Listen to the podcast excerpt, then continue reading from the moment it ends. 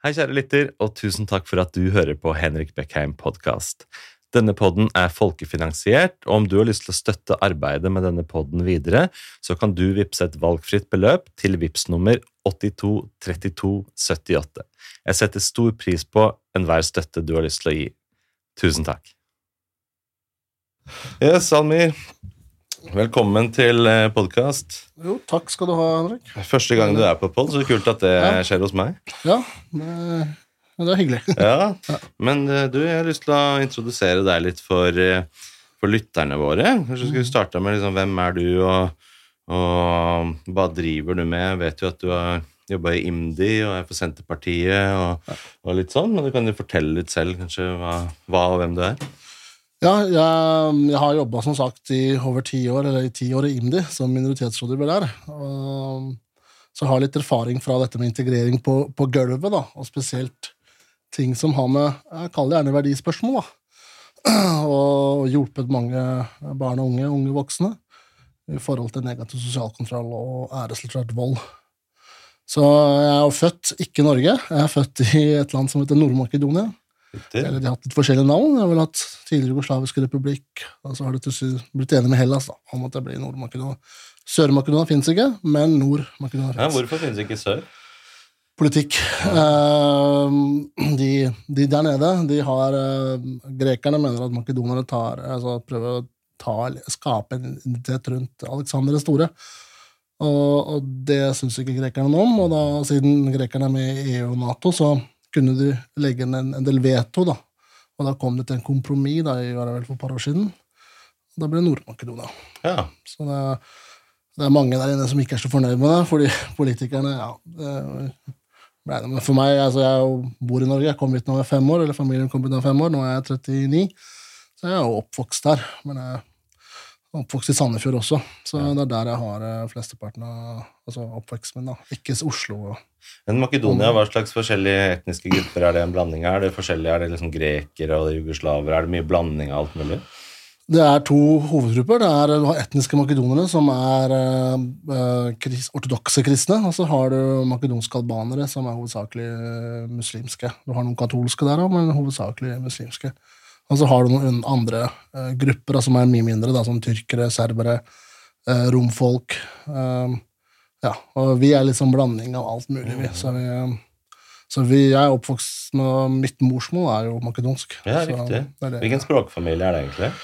Det er slavisk, og det er veldig likt bulgarsk. Det er som eh, norsk og dansk, kanskje. Norsk og svensk, norsk og dansk. Så du kan forstå hverandre, du kan forstå bulgarsk på en måte? Ja, eller i hvert fall altså På grunn av at eh, Makedonia var en del av Jugoslavia, så har vi fått veldig mye serbisk eh, Vi har blitt sånn serbofisert, nå, ja, Ja, ja, serbofisert, men fått veldig mye impulser derfra. Riktig. Så da men uh, den eldre generasjonen den forstår, eller kanskje den yngre også, for den saks skyld, uh, forstår hverandre ganske greit. Vi kan snakke, Det er som norsk og dansk, på en måte, eller norsk og svensk. Forstår du kroatisk òg, da? Ja, kroatisk og bosnisk. Ja, og ikke slovensk så godt, for det er liksom Make- Makedonia er jo den nedre delen av gamle Jugoslavia, og slovensk det øverste. Så de i midten de forstår hverandre, mens de forstår ikke de andre Ah. ytterpunktene så godt. For det slovensk det er jo slavisk, det òg, men litt annen dialekt. Det samme med makedonsk, en annen språk. Liksom. Fordi hele den bolken der er det vi kaller for Balkan. Uh, ja, pluss du kan ta med deg Romania, Og Bulgaria hva er Balkan egentlig? Hvor er Balkan strekker seg vel De slaviske landene. Du kan starte med Romania, Tsjekkia, Ungarn kanskje. Kanskje ikke Ungarn, de er hunerne. Men uh, Tsjekkia, Slovakia, den biten der, de har jo ganske likt språte. Og så over til eh, Bulgaria og Romania. Selv om også rumensk har et annet eh, har et annet språk, da. Eller et, eh, som, ikke har, som ikke ligner slavisk, da. Så det er eh, Ja. Med denne bakgrunnen her, føler du deg norsk, eller føler du deg norsk-makedonsk, eller føler du deg, hva, hva, hva føler du deg i din identitet? på en måte? Godt spørsmål. Ja. Um, når jeg går der nede, så, eller når jeg er på ferie i Makedonia, hjemlandet, så vil jo de høre at jeg snakker ikke brokken makedonsk, faktisk. og da spør de første de spør, er hvor, hvor kommer du fra, eller hvor, er det, hvor i utlandet bor du? Så sier jeg jo Norge, da. Det er jo der jeg er oppvokst. Og, men det er litt sånn Jeg liker å Jeg har brukt eller Når jeg har skrevet i kronikkene mine, så skriver jeg innimellom tror jeg jeg har skrevet norsk-makedonsk, og jeg tenker det det er en, eh, Man må ikke være enten-eller, tenker jeg. Det er det jeg har vært når jeg har vært og holdt foredrag for uh, unge voksne og også andre, aktører, så sier jeg at man kan være begge deler. Det samme sier jeg til ungdommene. Du må ikke være pakistaner. Du kan være norsk pakistaner. Mm. Du må ikke velge. Men hvordan, eh, hvor var det du vokste opp i Norge? Sandefjord? Sandefjord, ja. Hvordan var det? Det var uh, greit. Jeg vokste opp først på den bydelen eh, hvor det var veldig stort uh, andel minoritetsbefolkning, holdt jeg på å si. Det, det fins også Sandefjord, tro det eller ei. Ja, ja. veldig lite sted. Men, eh, så der var jeg først eh, de første par og to-tre og ja, jeg fikk Ja, de to Nei, gikk det til fjerde klasse, tror jeg. Andre til fjerde. Så, så flytta vi til den andre bydelen, hvor det hvor bare jeg var den eneste ikke-etniske på å si, norske på skolen. Hvordan opplevde du det? liksom Forskjellen på de to tingene der? Jeg opplevde det som egentlig ganske greit. Jeg ble godt mottatt, og de hadde litt annen kultur for eh, klasseledelse og, og hvordan være mot hverandre. Fordi når jeg var eh, ung da, på den andre bydelen, så var det veldig sånn Jeg var litt med han stille, stille typen som var litt i bakgrunnen, så hadde vi sånn, de andre gutta som som var litt sånn alfahane, mens jeg var han jeg bare hang der ikke sant, og var livredd hvis jeg sa noe feil. Så, så hoppa de ikke hoppa på meg, men, sånn, eh, men verbalt 'Nå skal vi drite deg ut.' Mm. Og på en måte få deg til å føle deg litt mindre. Det, jeg opplevde aldri på, på, den, hos de, eh, på den norske etniske delen, så hadde de roselapper på fredager. Liksom. Det var jo for meg bare What the? Altså, det var veldig hyggelig, da. Men jeg tenkte bare, her er det, det er så tøffere miljø, da. Mye røffere. Og det passer jo for de som har litt sånn tøff, eh, tøff ytre, mens jeg fant meg litt mer Jeg ble mer avslappet når jeg havna hos, eh, hos den etnisk norske bydelen, hvor jeg følte at jeg kunne være med med meg selv. Jeg slapp helt å se bak ryggen min, eller redd for å si dumme ting, og så skulle jeg bli mobba for det. Mens det var veldig nulltoleranse for det på den skolen. Man tok tak i det og var veldig sånn I hvert fall de lærerne der, som jeg følte var veldig sånn Det var helt annen eh, Det var som dag og natt. Jeg trivdes veldig godt. Så for meg så var det en, en fin på en måte overgang, og fikk meg litt mer ut av mitt skall, føler jeg, i forhold til den jeg var da, som barn. Det er synd egentlig at det på en måte i to forskjellige skoler i Norge at det skal være så stor forskjell på hvordan man kan føle seg og føle at man ikke skal bli mobbet. og at Begge skolene er jo norske skoler kan du si, i Norge, i samme by. Og, Samme by. og så skal det være så stor forskjell, liksom. Det var det jeg følte på når jeg tenker tilbake på det, reflekterer over det. Jeg husker det var litt skummelt å begynne på den norske etniske skolen. Tenkte, her, her, her kjenner jeg ingen, og ja, ja, men Så det ble godt tatt imot. Og for meg, den der roselappen som var liksom på hver fredag, var sånn det var, det var litt sånn Hva er det som skjer her? det her er ikke, jeg er ikke vant på at det skal være så hyggelig. men eh, det var det. Var det. Så det var, jeg ble veldig, veldig takknemlig for det. Så, Så du følte at du kom inn på en måte i norsk kultur og norske venner? Og, ja, Mye mer fortere. Veldig raskere. Hva er det du følte da, For da fikk du sikkert ganske sånn stort Eller ganske tydelig bilde for deg selv på hva norsk kultur er, siden du fikk den kontrasten fra å komme fra en annen type skole og så komme dit og så Oi, dette her er norsk kultur. Eller fikk du det? Liksom, Jo, jeg fikk det. at du gjør det. Jo, jeg fikk det Mm. veldig. Det var, jeg husker når jeg skulle få de norske, den første som skulle sove hos meg, en av mine beste kompiser den dag i dag, skulle sove hos meg, så jeg var jo vant med at når vi hadde besøk av de kompisene med innvandrerbakgrunn eller familien deres, når de kom på besøk hos oss, at vi ga dem uh, hovedsenga, uh, jeg så på madrass nede, og så, Da gjorde jeg det samme her også når jeg flytta til, den andre bydelen. eh, og gjorde det. Og så når jeg skulle sove hos han, så fikk jeg ikke den samme behandlingen tilbake. Og da ble jeg liksom Hva er det her for noe? Hvorfor Du fikk jo senga mi, og jeg var så gjestfri, og så videre, og så videre. Men det er disse små kulturforskjellene som du på en måte Som iallfall jeg stussa veldig over. Men det var Han mente jo ikke noe vondt med det. Det var bare sånn det var. da. Får du kompis på besøk, så får du sove på madrassen nede, eller eh, jeg, får, jeg skal ha senga mi. Så det, så det var en sånn eh, For meg var det ja, dette med forskjeller. da. Sånn, det er veldig sånn subtile, det betyr ikke så stort, men det er jo noe jeg følte på som barn. Hva fanker da, hvorfor ikke jeg Eller når jeg besøkte dem midt i middagen, tilfeldigvis, så måtte jeg gå på rommet. Fikk ikke bli, det var ikke sånn at de spurte skal du bli med og spise middag med oss. Ah, ja. Mens hos oss er det normalt at kommer det en uanmeldt, Ja. så bli med og spise middag. Ja, det gjør jeg også, for jeg har to barn. En på to år og en på åtte. Og en på åtte går i tredje klasse. og det er hun er veldig sosial, så hun har jo med seg venner hele tiden. Mm. Og da, da har jeg sagt til uh, dama mi at jeg vil at vi skal være et sånt hjem som alltid inkluderer. Så hvis det kommer noen her, vil du ha mat, spis med oss. Spis, er liksom, det er noe sånn varme i det, føler jeg. da. Å alltid sette på en tallerken og gi mat til folk. liksom. At det, er sånn der, det er noe fint med det. Bryte brød med hverandre. liksom. Mm. Nei, det var, Den følte også at det var liksom Ja, ja, ok, du får bare vente til jeg blir ferdig med middagen jeg går opp. Ja. Altså, jeg hadde akkurat spist middag fordi vi planla å spise middag litt tidlig, men det var den der å bli spurt, da. Det er sånne, sånne småting som du tenkte på da, som ikke du klarte kanskje helt å sette ord på den, mens nå, når jeg reflekterer over det, så er jeg jo litt eldre og tenker at her var det litt kulturforskjeller. Men det, var på, det er bare sånn, sånn det er, tenker jeg. Og det er noe jeg har snakket med kompisene mine i ettertid. Da. det er jo ikke noe, De mener jo ikke noe vondt med det, og det var bare sånn det var, og de tenkte ikke noe over det. Og, og jeg også tenker at ja, ja, det er forskjeller. Jeg, antar at ikke de holder på sånn nå kanskje lenger. I hvert fall, I hvert fall ikke med middager. Jeg tror de er litt mer De har jo barn selv nå, og sånn som du sier, når det kommer barnas venner på besøk, så sier de ikke når du går på rommet. Mens jeg, jeg tror det var litt mer vanlig før. kanskje. Ja. Og hvilke andre forskjeller merka du på det, å komme til norske skolen og norske venner og sånn? Ja, det var sånn forbi ja, i den farta her nå, på å si. Eller nå, så Mm. det er den jeg, det er den, de to, to tingene der som jeg tenker var Ja, så det var dette med å ringe på. Ja. Det var, Jeg måtte ringe på telefon. ja. Det var en sånn ny greie. Å ja, du kunne ikke bare gå og ringe Nei, på? ja. Jeg fikk jo beskjed at nei, du, nå er jeg litt opptatt. Nå Det skal, passer ikke inn ja, ja, nå skal jeg leke med Lego. Så klokka, så middagen er klar om en halvtime. Jeg ringer deg når jeg er ferdig med middagen. Jeg bare Hallo, må jeg ringe Altså, jeg bor rett ved siden av deg. Altså, Nå ringer og Ja. planlegges. ja, ja, ja, men det var også Snakk for med meg. agenten min. Ja, sn- Snakk med sekretæren min, Mm. mamma, på en måte. Kanskje Ja, Sjekke om det passer. Ja. Ja. har ledig kvarter neste uke, Ja. torsdag, mellom 12 og 15. Da kan vi leke Lego. ikke, så- ja, men, ikke, ja, men det var det. Så jeg, bare, jeg ble helt sånn det, det var de tre tingene som jeg kom på veldig sånn Ja. Som var litt sånn annerledes, for det var aldri sånn eh, der hvor jeg, altså der hvor jeg opprinnelig er oppvokst, på den andre bydelen. Der var det sånn bare regulert. ringe på. Mm. Ja, veldig regulert her, da. Og alt var organisert på en helt annen måte. ikke sant, i forhold til Vi var mye mer ute, mye mer altså Vi hadde fri, litt større fritøyer enn det vi hadde Ja. eh, på den andre delen. Altså, Jeg merka de andre vennene mine som var etter norsk, de måtte inn en viss tid. Det var veldig sånn Ja, ja.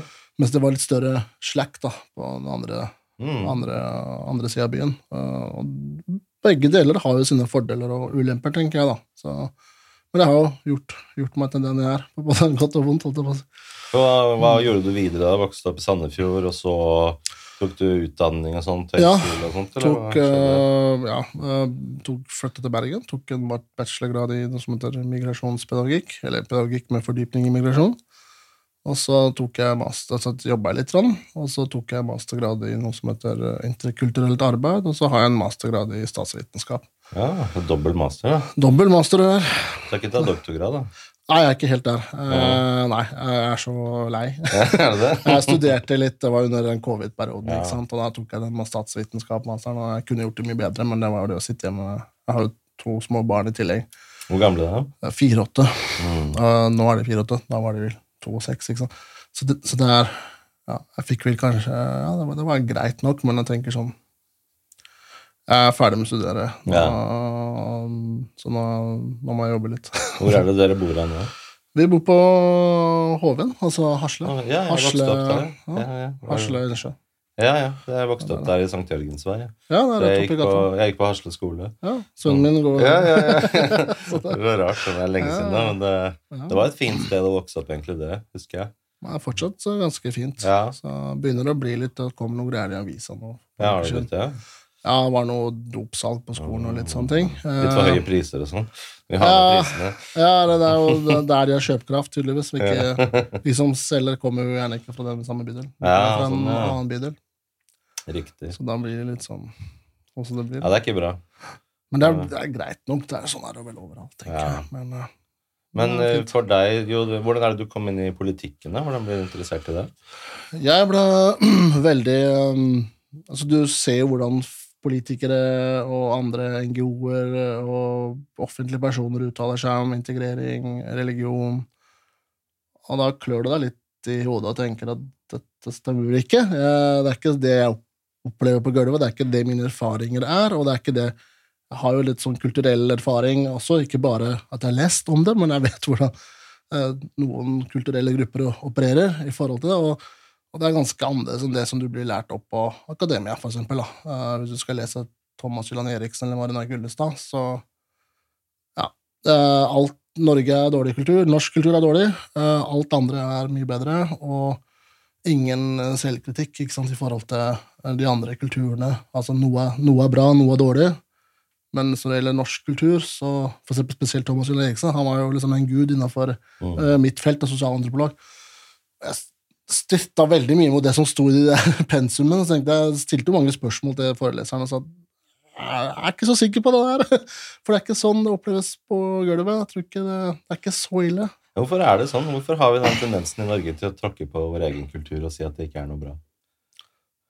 Godt, så, godt spørsmål, men det er noe med det akademiske miljøet, tror jeg. Fordi de er litt sånn av Selv om de skal være litt sånn spesielle, de sosialantropologene skal bo i det miljøet og på en måte observere dem over lengre perioder osv., så, videre, så er det noe med at du er et miljø hvor å, komme Det har du selv sagt, det fins masse forskning på det. Å, ha en uh, annen syn på dette, et kritisk syn, det er ikke det er, ikke du han, det, er ikke, det er ikke du han jeg vil spise lunsj med nede på eh, kantina etterpå, fordi du er jo han, eh, sant, han som har skrevet noe negativt om en eller annen kultur eller om en eller annen religion eller om eh, mangfold osv. Og, så videre, og tatt opp de utfordringene. og det, det er det iallfall jeg har sett da, når jeg ser liksom, det er de der bøkene jeg har lest i pensum, med Marianne Gullestad, som på en måte også var en pioner innenfor eh, integrering og samfunns... Altså, ja, alt det der. Og det, da følte jeg Her var det mye som stritta mot, husker jeg. Og det, det Ja. Det,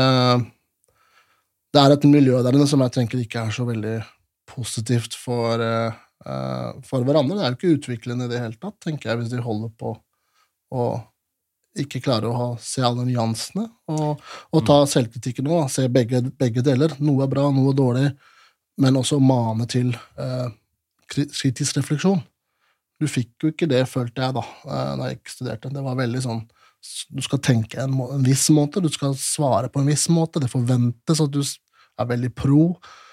Der, altså Tar du opp litt sånn kritiske ting, så får du tilbake fra veilederen din dette her var mm, Hvorfor skriver du sånn? Det der var litt for direkte. Og da begynner man å tenke nei, jeg har ikke Det er grei retorikk, det er bare ærlig. og, det er, og, det er, det man på en måte kan, kan vise til også. Det fins også forskning som understøtter noen av de påstandene, som kan vise som er helt legitime, men allikevel er ikke alltid man vil ha dem. da. Man vil liksom ha den ene siden. Selv om de sier også ja, vi skal ta noe med å ha begge sider, videre, men det mangler, altså, jeg var jo ikke, leste ikke noe Asle Toje på studiet mitt, for å si det sånn. Det, det var ikke så mye av han. Så. Men det er synd, egentlig. Hva, hva, føler du er du prater om den riktige måten å tenke på? Hva, hvis du skal prøve å sette ord på det, hva du opplevde, hva liksom, dette her er innafor måten å tenke på her. Hva, hva innebærer det? er jo, Du skal være veldig pro uh, Det nye, nye, nye, ordet nå er jo mangfold. Man skal på en måte, All mangfold er bra. Um, ingenting er dårlig. Um, mens jeg mener at det er en del ting man må uh, hegne om, da, i forhold til uh, norske verdier eller norske uh, normer, eller det trenger ikke være norsk, det kan være normer eller skikker som på en måte forventes av deg enten i Skandinavia, Vesten eller Norge. Og det, det, er sånne ting jeg tenker at er, Noen ganger så kan jeg si at nei, patriarkalsk kultur er ikke bra.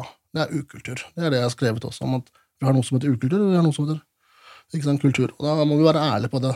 Det var ikke bra det vikingene holdt på med i gamle dager alltid heller. Uh, eller hive de gamlingene sine når det ikke var ubrukelig over, ja, ja. over, over, eh, over, fjellet. Ja, det er ukultur.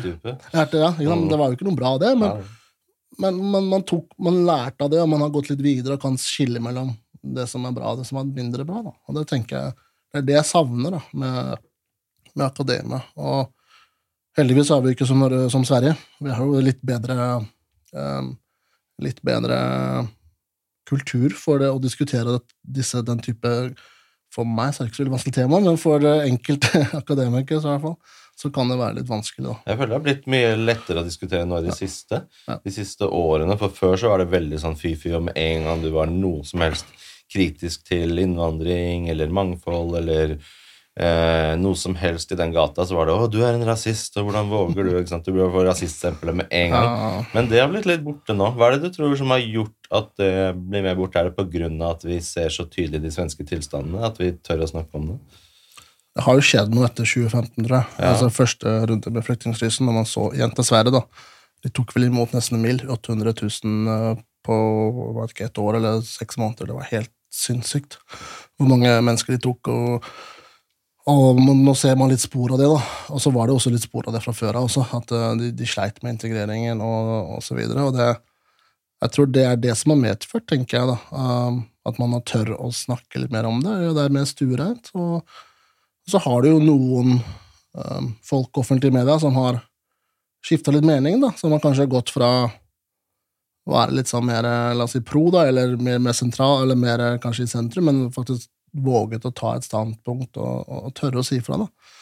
Det tenker jeg er, en, eh, det er også en gode, da, at man også kan ombestemme seg. Men det den, der, den sitter jo litt langt inne for eh, mange akademikere og offentlige personer å si at vet du hva, jeg tok feil. Eh, kanskje jeg må revurdere en del av de tankene jeg hadde, eller de analyser som jeg frembrakte da.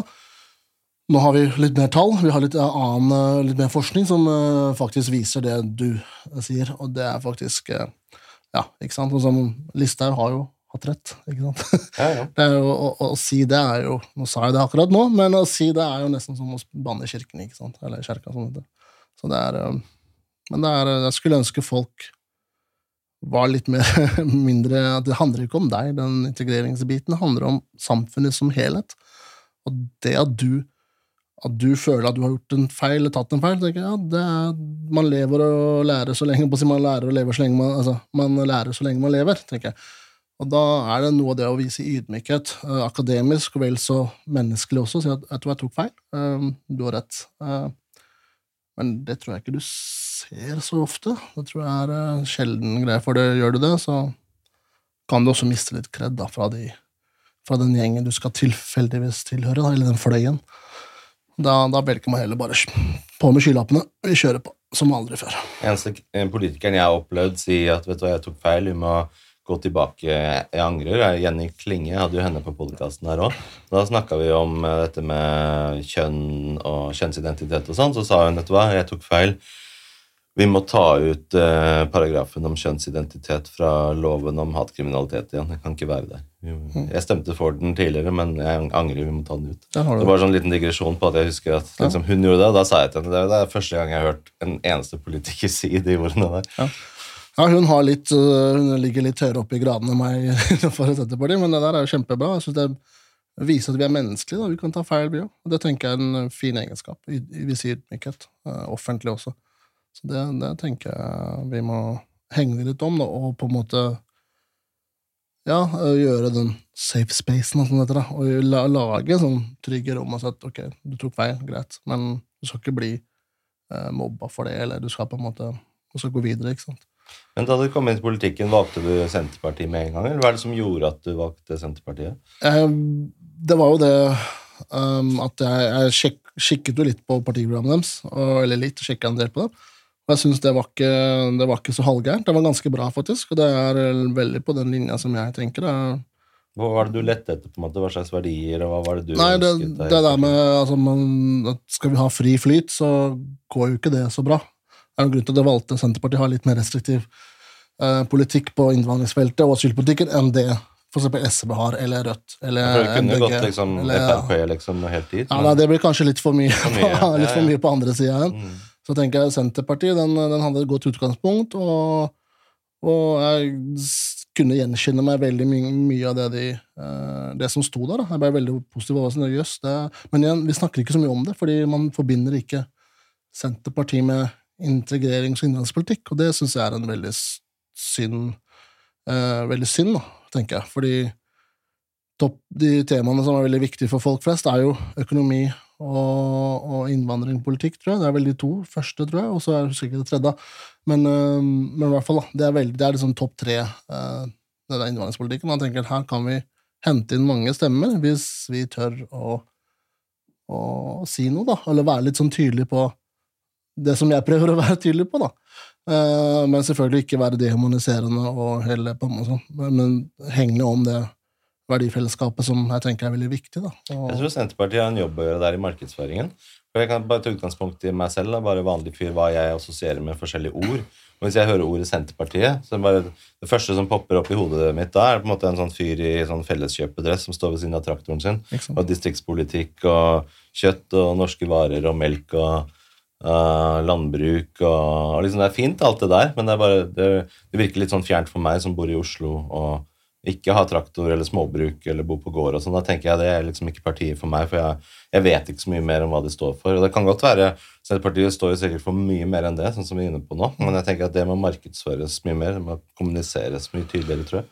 Det må helt enig med det der. Det må markedsføres, eh, det må tilpasses den delen man er i landet. Altså Du kan godt snakke om landbruk og distriktspolitikk i distriktene, og gjøre det samme i Oslo. Funker ikke like bra, tror jeg. Altså. Det, da, det er det, du må ha en annen eh, strategi. Et annet, et annet, helt annet markedsføringsapparat rundt det. Og, det er det jeg håper på sikt kan være med å bidra. da. Eh, Så får vi se. da, hvordan Jeg har ikke vært medlem der mer enn fire år, og jeg er styremedlem i Grünerløkka Senterparti. men så vi håper, eller jeg håper i hvert fall på å kunne- bidra med mitt. da. Og så har jeg jo skrevet ned kronikker der ute, så jeg håper at eh, jeg blir uh, lagt merke til på en eh, selvfølgelig positiv måte. Og så, så men du må bygge det. Du må man, må man må tørre, og det er den derre at eh, ja, vi skal være sentrum i, i politikken. Vi kan godt gjerne være det, men jeg tenker hvis ikke vi vi må ta et standpunkt på et eller annet sted. Vi kan ikke si 'jeg veit ikke', eller ikke sant? Nei, jeg har ikke mening fra alle til. Vi må tørre å si at ja, nei, vi, skal, vi er ikke for fly, flyt av innvandring. Vi er ikke for den og den type kulturelle skikkelser. Og, og stå i det. Stå i det ubehaget som sikkert kommer til å komme, men det kommer også mange som kommer til, sånn som du sier, kanskje heve jeg, jøss, trodde det bare var eh, kjøtt og, og, og, og på en måte landbruk, mens her er det faktisk uh, De har faktisk bredere repertoar.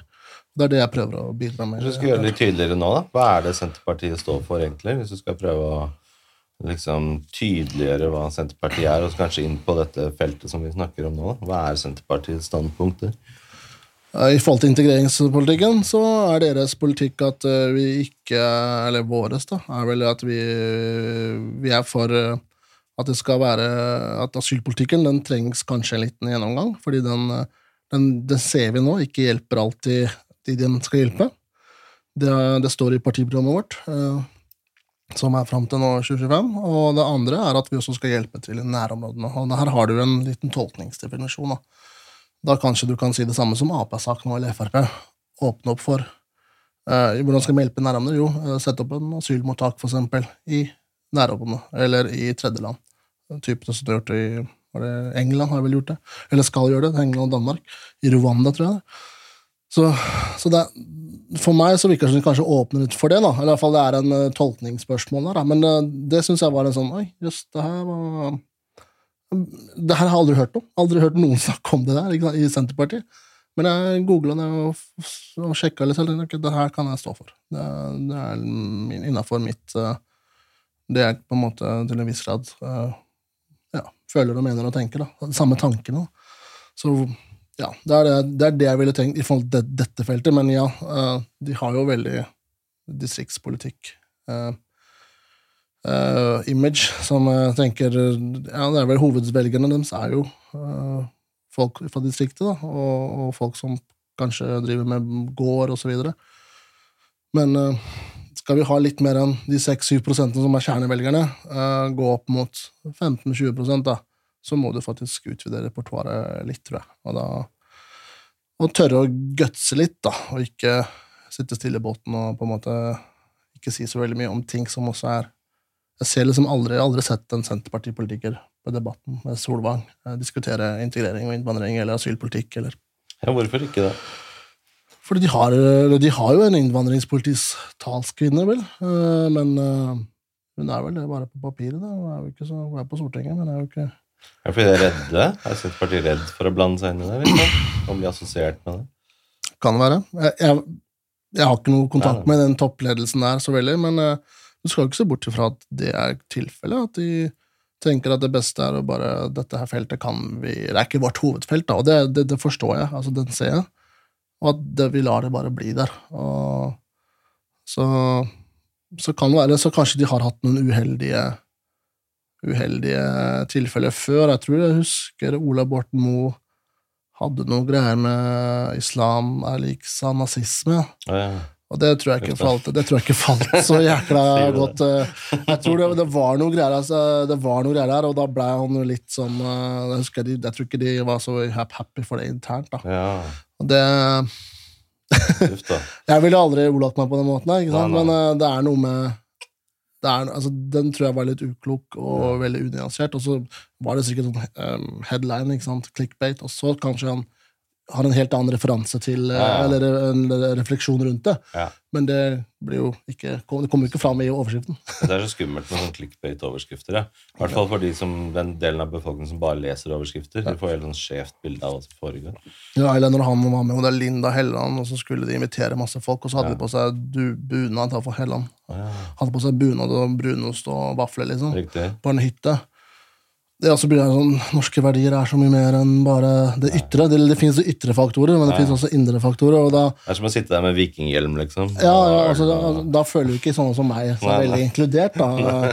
Eh, jeg har jo ikke bunad, men jeg tenker sånn dette med altså Jeg liker jo, jeg liker jo Ja, ja. vafler og brunost, det er, det er ikke det, men, men det er noe med liksom den der du, du føler deg ikke så inkludert. da. Hvis du behøver skal- ikke å være så snevert. liksom. Snevert, det er ikke bare veldig. den boksen som Ja, er norsk. Det er liksom. den jeg også prøver å utvide, ikke prøve ut, men prøve å utvide, og så forklare de jeg holder foredrag for, og de jeg har kontakt med, at Norge er ikke bare folk som står på ski. Nei, nei, ikke sant? Det er Det er på en måte det er norsk, det òg. Ja. liksom eh, Petter Northug Ja. og, og brunost og 17. mai og, og vafler og alt. Alt det er norsk, det òg, men det er mange flere ting. da. Det er Mm. flere ting. Det er, flere, norsk på Grünerløkka også, liksom. Det er norsk i 2023 og, og kunst og kultur og Det er mye som er norsk, da. La oss komme inn på det. Hva føler du Hva er norsk på, måte, på den måten at eh, hvis, hvis noen sier at 'jeg er nordmann', Mm. hva betyr det da? Betyr det liksom språket personen snakker, eller verdiene personen står for, eller er det pass og statsborgerskap, eller hva betyr det å si 'jeg er nordmann'? Nordmann er vel litt mer den etniske, genetiske delen, tenker jeg. Eh, Den er vel altså, man kan, man, Det fins jo nordmenn der ute, så det er, det er ikke noe negativt med det, verken fra eller til. holdt jeg på å si. Så det, vi, det syns jeg vi skal ha toleranse for, men vi kan også si eh, sånn som de har i Danmark, er ny, nydansker, hva de kaller, det de kaller dem. Nydansker. Eh, jeg, så, sånn som jeg bruker, jeg bruker begrepet norsk-makedonsk, norsk-pakistaner. Jeg liker å bruke det, for det er en del av identiteten din. Da. Men du er også en del av det norske fellesskapet. Og jeg tenker at det rommer som altså det er, Vi er i en globalisert verden nå. ikke sant? Det er, det er ikke så homogent lenger som Norge var for 30-40-50 år siden. Og da tenker jeg vi må utvikle Den kultur er jo ikke statisk, det er noe som hele tiden eh, på en måte er i endring, og dynamisk hele veien. Og da tenker jeg da er det viktig å inkludere og noen, Jeg liker å bruke norsk-makedonsk, eh, og meg, da, mens andre liker å bruke ja, eh, norsk, kanskje. Det finnes jo noen politikere eh, der ute som har min- minoritetsbakgrunn, som sier jeg er norsk. Ja, men du ser jo ikke så norsk. Ja, så kan du få livshistorien min, da, men, men jeg er fortsatt født og oppvokst i Norge. Og, eller oppvokst i Norge, kanskje, eller født. Men det, det også må være rom for alle de forskjellige alternativene, tenker jeg. Jeg tenker på Når du sier er norsk-makedonsk, den biten som, som er norsk, da, hva er det du føler at den biten er for din del? Er det liksom at du snakker språket og er vokst opp i Norge, eller er det andre ting som gjør at du føler at jeg er norsk, norsk-makedonsk? verdifellesskapet. Det er det jeg tenker med en gang. Altså toleranse uh, for uh, ulikheter, toleranse for minoriteter. uh, likestilling. Du har uh, ja, ikke-patriarkalsk samfunn. eh, det er for meg en, det er Norge. Altså det er iallfall det nye Norge, da, eller det som har blitt nå. Altså, mye av norske lovverket er jo tuftet, eller basert på den universelle menneskerettigheten nå. De er jo implementert det innad der, så tenker jeg det for meg er den det universelle spekteret av menneskerettigheten er for meg Norge. Og det er, det er noe jeg er stolt av, det er noe jeg tenker at det er noe vi skal hegne om. Og ja, jeg vet jo at uh, den type Altså, vi har rasisme i Norge, eh, men jeg vil ikke kalle det det som noen andre kaller det for strukturell eller systematisk rasisme. Det, det vil jeg ikke kalle det. Det er det jeg har vært veldig klar og tydelig på når jeg skriver disse kronikkene, hvor jeg skriver at ja, vi har rasisme i Norge, men det er, det er, ikke, det er heller motsatt. Vi jobber jo på strukturelt og systematisk nivå mot forebygging av rasisme. Og jeg tenker det er kjempebra.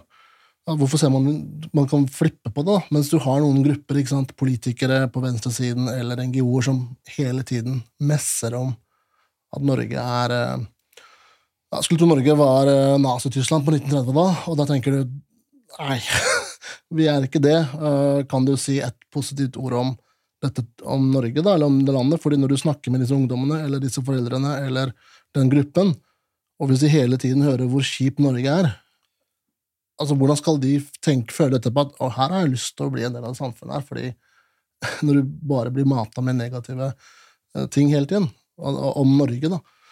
Og det tenker jeg er en sånn veldig stor um, feil mange av de gjør. Altså det, det har vært borti utallige mange gode og har jobba blant annet i IMDi, og det er mye fokus liksom hele tiden. Rasisme, rasisme. Og tenker, men ja, vi har rasisme. Jeg skal ikke ta vekk Jeg har selv opplevd rasisme i Norge, men jeg har opplevd 99 eh, gode nordmenn. Bortsett fra den ene, altså 0,000, de to-tre tilfellene hvor jeg har opplevd rasisme.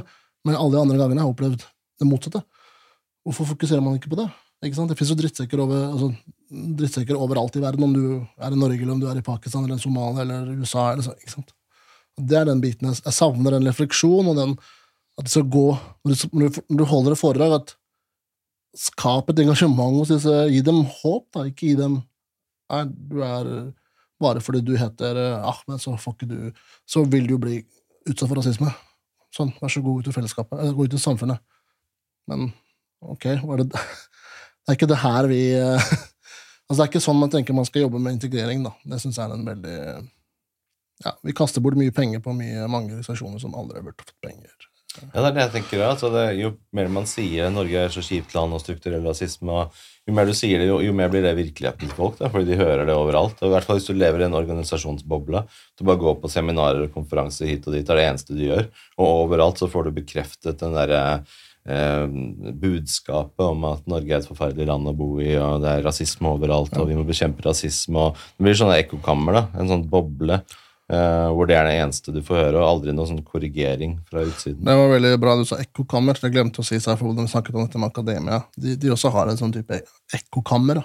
Du går jo på de samme Jeg har jo også jobba andre steder enn bare som universitetsrådgiver. Jeg jobba litt i PU og UDI, og så kom jeg tilbake til uh, Nå jobba som rådgiver på en, uh, en annen kommune i Oslo, uh, utenfor Oslo for myndigheter.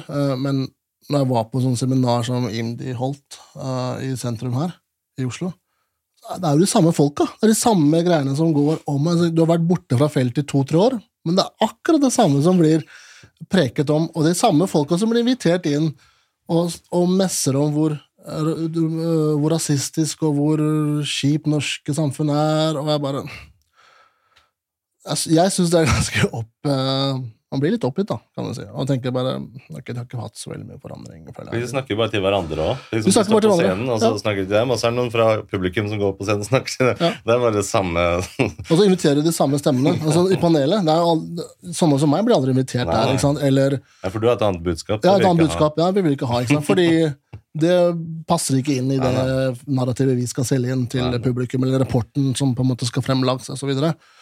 For all del ikke nyanser. Vi skal ha liksom jeg tror det er mye penger i det. Det er mange organisasjoner som er avhengig av at det er rasisme i Norge. For ja, det hvis, er, hvis rasismen blir borte, så oh shit, da får vi ikke pengestøtte. Ja, de må jo til, altså, Nå skal, må være veldig understreket det er mange som opplever, opplever rasisme, har opplevd rasisme. Man skal ikke ta bort fra deres den, den personlige erfaringen. Men det er, det er mange som noen ganger så trenger å tenke at ja, det fins drittsekker overalt, men da pust tilbake og tenk hadde det vært mye bedre hvis du bodde der hvor du kom fra, eller der hvor mamma og pappa kom fra. Jeg vet at altså, Det var jo mye, altså, mye, nasjonalisme i Jugoslavia, og derfor det eh, gikk i oppløsning. Jeg tenker sånn, Den rasismen som fins der nede, versus den som fins her oppe, er veldig forskjellig. altså. Det, det har, der nede så på en måte ja, Den er ganske systematisk, kan du si uh, mot folkegrupper osv. Og, så videre, og korrupsjon. altså En helt annen samfunnsstruktur, ikke sant? mens du har en helt annen kultur for det i Norge. Vi er ikke perfekt, for all del. Vi må jobbe, og det er derfor vi jobber også forebyggende på systematisk og strukturelt nivå mot rasisme osv. Kjempebra, men jeg savner den andre altså helheten. Hva med rasismen iblant oss minoriteter? Vi også har ganske masse rasisme mot nordmenn, mot andre. Ja, Etniske grupper. Hva er den rasismen mot nordmenn for noe? Nei, det, det kan føle seg på spesielt altså Nå har jeg jobba på de fleste skolene jeg jobber på, så har det vært eh, eh, hvor minoritet er majoritet. Og av de majoritetene så har eh, stor andel av dem også muslimsk bakgrunn, elevene. Da, da Man føler vel en overlegenhet, på en måte. eller Selv om disse ungdommene det er snakk om, de er jo født og oppvokst i Norge. Er jo, jeg er jo ikke det. så det her er snakk om andre eller tredje generasjon.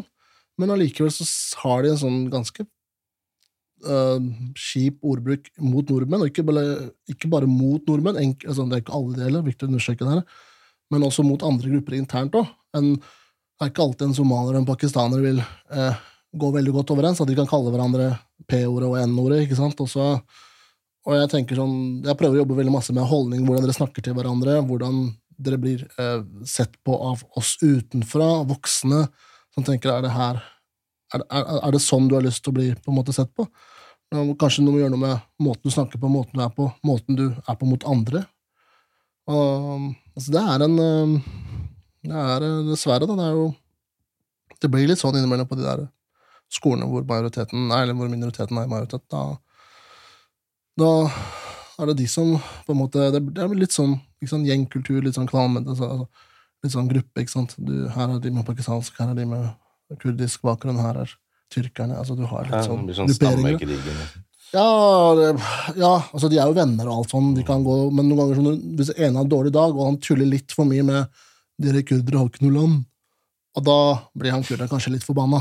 ikke sant? Da, han har en dårlig dag, da, og, og da kan det smelle, og da sier han andre men jeg trodde vi var venner, jeg trodde vi kunne kødde om det. Ja, men i dag var det en dårlig dag, i dag har jeg ikke hatt en bra dag, og, og det er en sånn sånn som jeg snakket om da jeg var liten, også følte jeg der, at man skal hele, tiden tråkke hverandre ned da, og hevde seg og på en måte sant, være litt sånn Nå er det jeg som er uh, konge på øya, så skal jeg få andre til å føle seg dårlig. Det er litt sånn type Kall det gjerne toxic masculinity-kultur, da, eller, som jeg tenker er litt sånn Jeg syns i hvert fall ikke noe om det. da, jeg husker Det var, det, det ser jeg på disse ungdommene, nå er jeg eldre og kan se at jeg syns ikke han Jeg kan bare merke hvordan han, at han mottakeren Han syns ikke det her er kult, men han smiler og ler og eh, Ja, det går bra. Og så, og så tar han til side, og så Nei, jeg syns det var en dårlig syns ikke det var noe ålreit, men han tør ikke å miste ansiktet, for det er gutta. Mm. Og det å tørre å, å vise svakhet og si du, jeg syns ikke det her er kult, da blir du det er jo utvist svakhet. Da Ja. blir du igjen kødda med, ikke sant? Og, Riktig. så det er um, Rasisme, ja. Det er, eh, jeg har lyst til å bare si at uh, det er helt sikkert mye enkelttilfeller av rasisme og enkeltpersoner som er sikkert 100% rasister tvers igjennom. Men jeg tror ikke det er det store flertallet av nordmenn. Og, og det er også stor forskjell på å si enkelte versus strukturell rasisme. For hvis vi hadde hatt strukturell rasisme i Norge, da, så ville det vært noe sånt som at Sånn som at eh, Hvis eh, DNB skal ansette noen, så har de i styrepapirene sine at mennesker med brun hudfarge oppfordres ikke til å søke. Vi skal kun ha hvite nordmenn.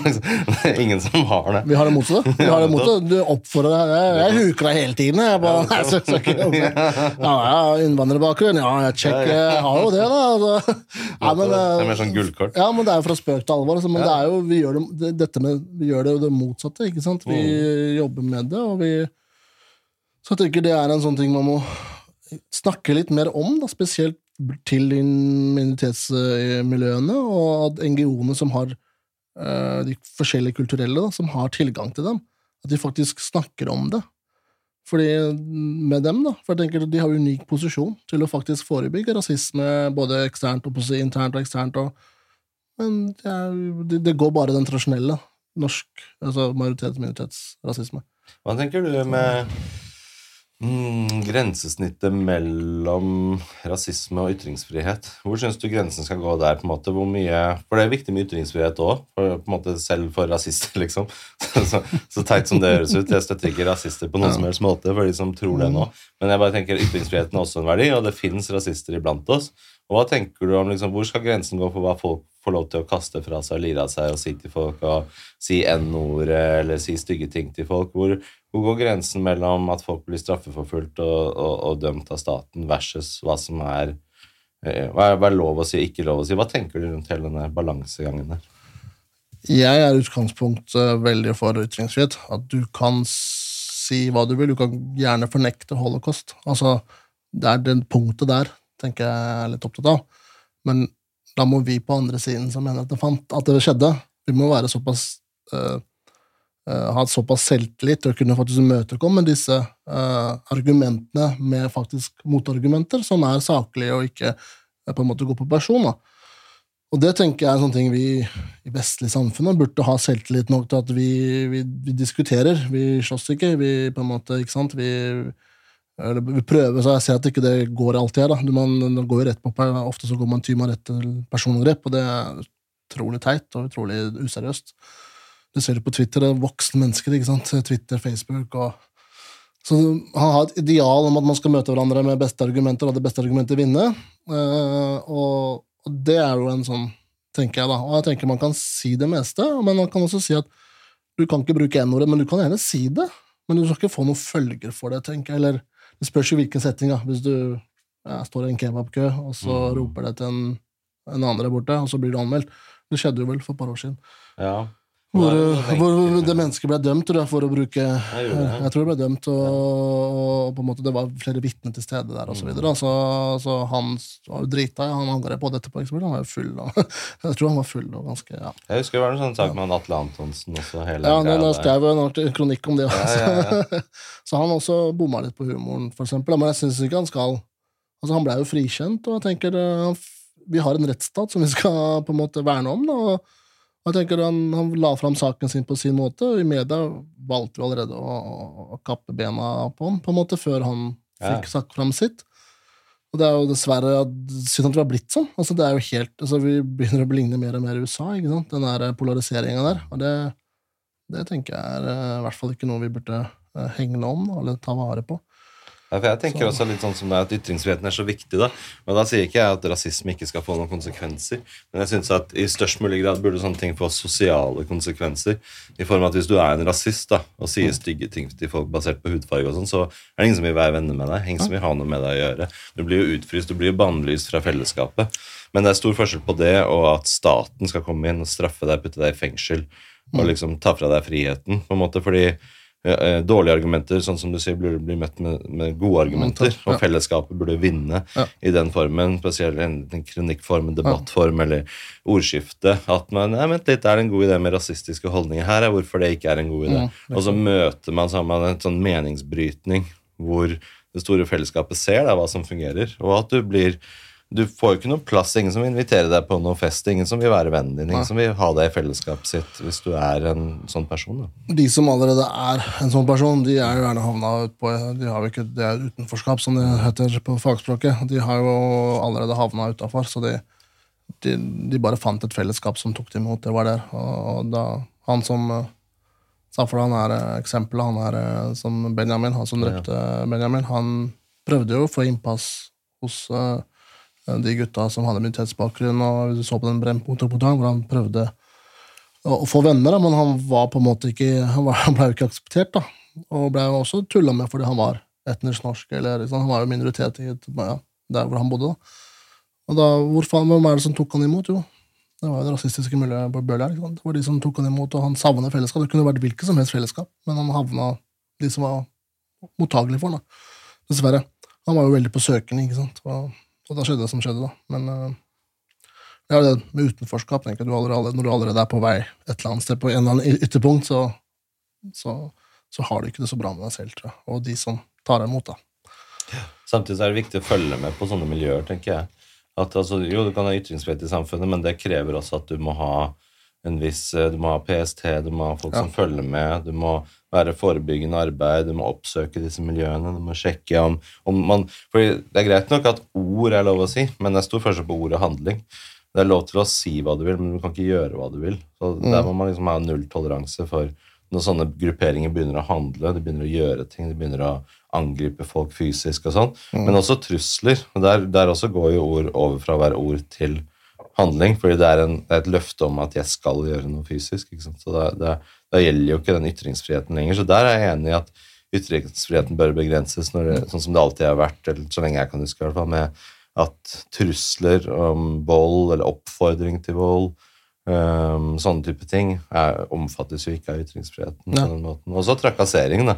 For Rasisme blir jo trakassering hvis du gjør det over tid og regelmessig og følger folk. og Da er det jo ikke lenger en bruk av ytringsfriheten. Nei, da misbruker du det, på en Mm. Det er viktige uh, distinksjoner du, du kommer med der, så det er veldig bra. Nei, det var jo han der Jeg kom på når du snakka nå, så var det en Var det ikke en sak nå forrige uke hvor eh, PST, eller var det de skulle komme med et lovforslag hvor man, hvor man ble oppfordret at skolene skulle gi beskjed hvis det var noen som hadde ytterliggående tanker eller, eller meninger. da Okay. og hjelpe dem i forhold til overvåking av elever. Jeg tror det var eh, Jeg leste om det på Utrop, tror jeg, men jeg husker ikke hvem som kom med det lovforslaget. Om det, om det var eh, Politiets Fellesforbund eller et eller annet. Da. da var jo selvfølgelig mange som, på venstresiden som ikke syntes det var en god idé. da. Det, det var jo liksom, da, det, var, altså det, du har, det vi snakker om der, da, det, det, det kommer til å bli et tema opp, opp snart. Da er Jeg det- det er føler det. det er viktig. for Du har på en måte ytringsfrihetens pris, da, det åpne demokratiets pris. for vi kan jo ikke det er liksom, Vi kan ikke unngå at det blir hendelser med både terror kommer sikkert, og det skjer jo i Europa hele tiden, og angrep og Dessverre, liksom. Jeg skulle ønske at det ikke skjedde, men for å helt 100 unngå at sånne ting skjer, så må de ha en politistat. Da må de ha, må du ha portforbud, da må du ha full kontroll på alle, og sosial kontroll, liksom. Og vi vil jo ikke leve i et sånt samfunn heller. Så det er på en måte prisen vi betaler å leve i et fritt samfunn, er at det vil kunne danne seg grupperinger av folk, og det vil kunne skje angrep. Men da, da må vi også betale den prisen, tenker jeg, da. At vi må ha sånne type institusjoner som PST, som følger med, som overvåker, som går inn i situasjoner, som spør miljøer oppsøker miljøer. Vi må på en måte, Hvis vi ikke har det heller, så blir det bare helt fritt frem for alt mulig å vokse fritt. da. Det blir som om du har en hage, og så bare lar du alt ugresset vokse. liksom. Nei, du må, Med en gang det begynner å vokse noe ugress, så må du gå borti det med en gang, sjekke hva det der er for noe. på en måte, For at Ja. ting skal vokse fritt. Da er er enig. Så, ja. Det var gode refleksjoner. Jeg har ikke så veldig mange, mye, til, mye å legge til det. Bortsett fra det du sier, det er jeg jo helt eh, enig i. Så vi får se hvordan uh, man tar, tar imot det forslaget. Da. Det Mm. blir, uh, at det blir litt mer sånn på papiret da, enn bare Ja, det som For hva var egentlig forslaget? Hva er det det går på? Nei, At lærerne da, eller skolen skulle melde ifra til eh, PST eller E-tjenesten hvis de hører eller ser. ikke sant? Eh, Hva slags type elever, ting da? elever, sånn eh, eh, radikalisering, ikke sant? Okay. for eksempel. da. Og, på en måte man skal melde ifra og si ifra, og da skal de være litt sånn føre var. For, det er jo forebygging det her handler om. Men øh, så har jo du noen der ute som ikke syns det var en god idé. Jeg tenker det var, jeg har ikke sett hele lovforslaget ennå, men jeg tenker utgangspunktet nå tenker det er ikke så Med tanke på den verden vi har blitt, da, og hva som skjer nå i forhold til radikalisering og det, tenker jeg, Det er begge sider, da, om det er eh, på islamsk eh, fundamentalisme eller ytre høyre. Greit å ha kontroll på dem og vite hva som skjer. Mm. og De kan få lov til å ytre en del ting, sånn som Sian, men eh, det er innenfor ytringsfrihetens på en måte. Eh, De har også blitt dømt, selvfølgelig, man kan ta dem på det, men, de, men da på en måte får de betale sin Får de gjøre opp for seg, da, i henhold til eh, regel eller lovverket. Så det blir spennende å se fremover hvordan det, det lovforslaget kommer til å eh, Jeg tror det var lovforslag. Så jeg, mener jeg gjorde litt research på hva du har skrevet og sånn i forkant. Jeg, jeg tror du skrev noe om dette med at eh, ungdom i minoritetsmiljøer innenfor islam har blitt mer og mer religiøse de siste 10-15 årene. Mer enn de var før. Eh, hva tror du det kommer av? At man blir mer og mer religiøse? Det er um, Det er jo en sånn ny islamisme eller ny religiøsme som kommer fra de regionene der, da. Får disse imamene det, det, det med seg, da, og drar det med opp hit, ikke sant. Og man blir jo mer og mer eh, Hva skal jeg si Man kan være konservativ for all del, men hvis det går utover er eksempel håndhilsesaken, da, det, da, da, da tenker jeg da begynner det å bli litt uh, uheldig da, for fellesskapet. At du skal sette nye føringer på det. at man ikke... Så det, det syns jeg er en sånn det, er, eh, det, det var jo ikke når jeg var ung, da, så hadde vi eh, kyllingpizza eller, eller, eller skinkostpizza. Det var ikke halal. Det var kylling eller det. Men nå er det liksom halal. Ikke sant? Det, er, det er ikke godt nok at det er kylling, men det skal i tillegg være halal. Så hvis du serverer en unge en kyllingpølse, men så spør ungen er det halal. Oi, Ok, da må jeg faktisk gå ned til den innvandrerbutikken holdt jeg på å si, og kjøpe det der, og på en måte istedenfor å tenke at du har jo Alle må tro man har gjort sitt i forhold til det matveien. Det tenker jeg, det er noe jeg har sett spesielt, da, og du ser jo det også når du blir eldre. De, de går um, de, Mange av de, de blir jo blir på en måte um, De blir jo hanka inn tidlig fase, inn i koranskoler og, og moskémiljøer. Hvorfor det? De er veldig opptatt av at de be, de kaller det kulturen, da, bevare kulturen og religionen sin, men øhm, slik jeg tenker det, så blir det veldig, veldig enfold, da, fordi det mange dag, dessverre, fremstår det som mange muslimer ser på seg selv som først og fremst muslimer. Om du er pakistansk eller norsk eller, eller øh, Ikke sant? Det er jo sekundært. Du er først og fremst en muslim. Du skal liksom være en, en, en, en ensartet gruppe, selv om man vet at muslimer er jo ikke en etnisk eh, gruppe. Men det er det de på en måte har eh, forteller da, i disse, Jeg har vært i disse moskeene og hørt litt, og tenker det er ikke, er ikke veldig mye fremsnakk om, om, om det fellesskapet. Det, Hva sier de om fellesskapet? Nei, Jeg skrev jo den ene, ene kronikken da, eh, for ikke så lenge siden. eh, Rabita-moskeen. Der overhørte jeg tilfeldigvis han imamen da, som snakka om at han bar til foreldrene, det var fredagsbønn, at de foreldrene, muslimske foreldre måtte passe på at ikke barna deres ble smittet av det norske samfunnet. Og Jeg leste jo det syv-åtte minutters eh, preken? Den, er, den, den passasjen der. Og og ikke, at skolen ikke lærer dem halal, haram, og derfor er det viktig at foreldrene eller moské, muslimske miljøer gjør det, videre.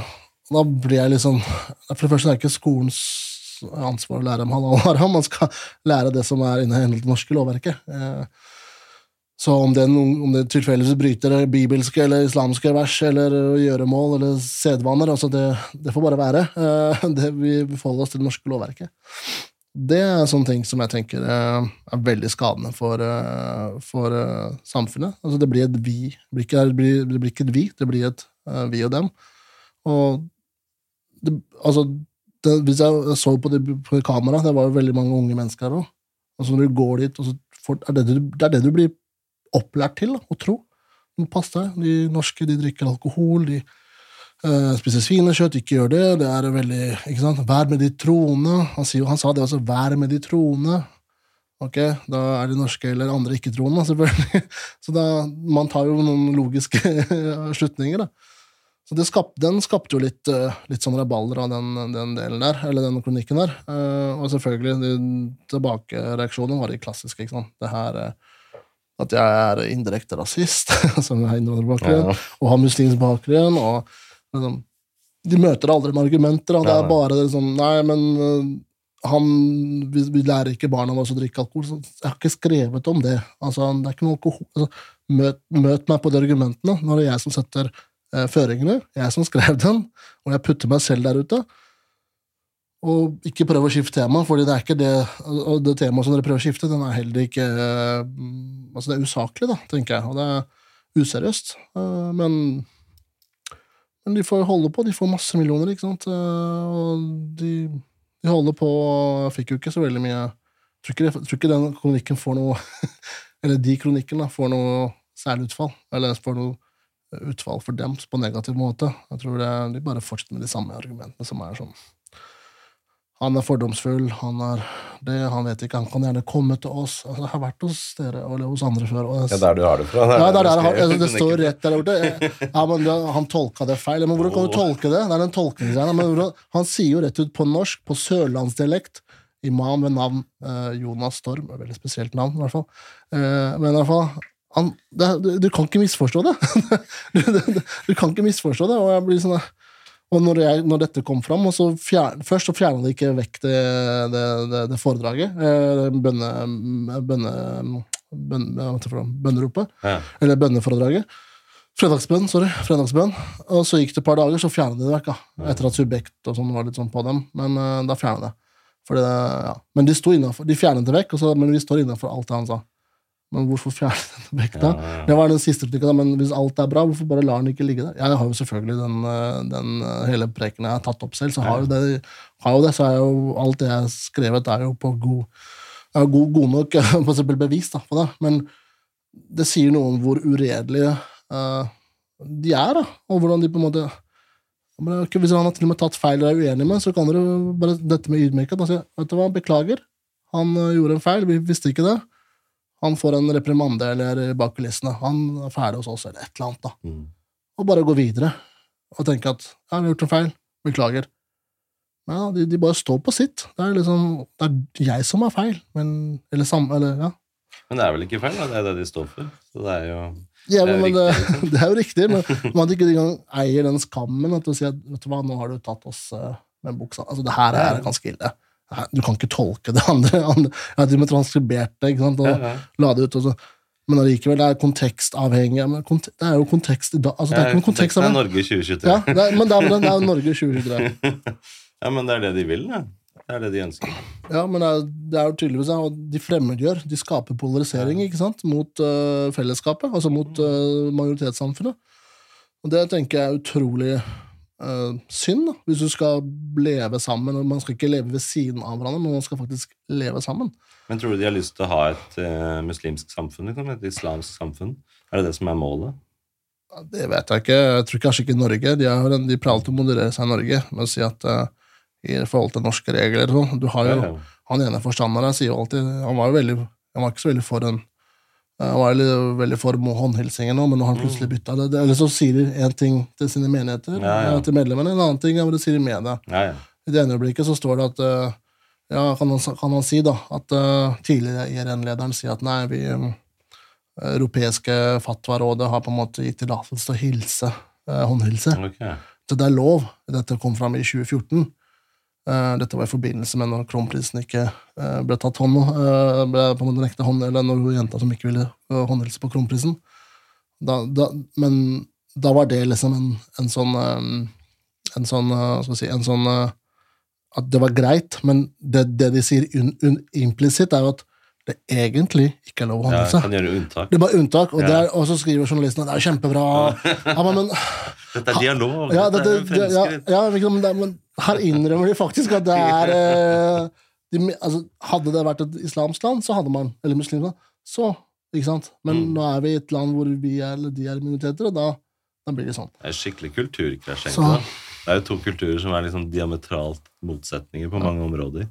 Bare sånn, det, er, det er egentlig fint at det der med håndhilsegreia skjedde, fordi det blir en sånn veldig fin indikator på hvor mange problemer ligger. At det er veldig store forskjeller på ting, hvordan man ser ting, da, eh, som gjør seg gjeldende i veldig sånn, konkrete situasjoner som nettopp på håndhilse. Det, det som er Det som politikere og, og, og byråkrater og NGO-er og, sånn, og samfunns, altså offentligheten ikke skjønner at disse kravene blir det bare mer og mer av. Altså, jeg var jo med på sånn møte på utenriksetaten i forhold til dette håndhelsedebatten. Jeg var etterkant av det.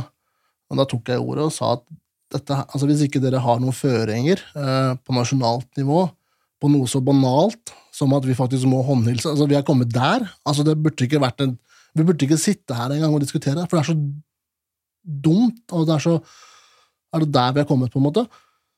At da må dere faktisk gjøre det, for da blir det lettere for eh, skoleeierne eller kommunen eller rektorene å, å opprettholde dette her. Det må komme noen føringer og sånt.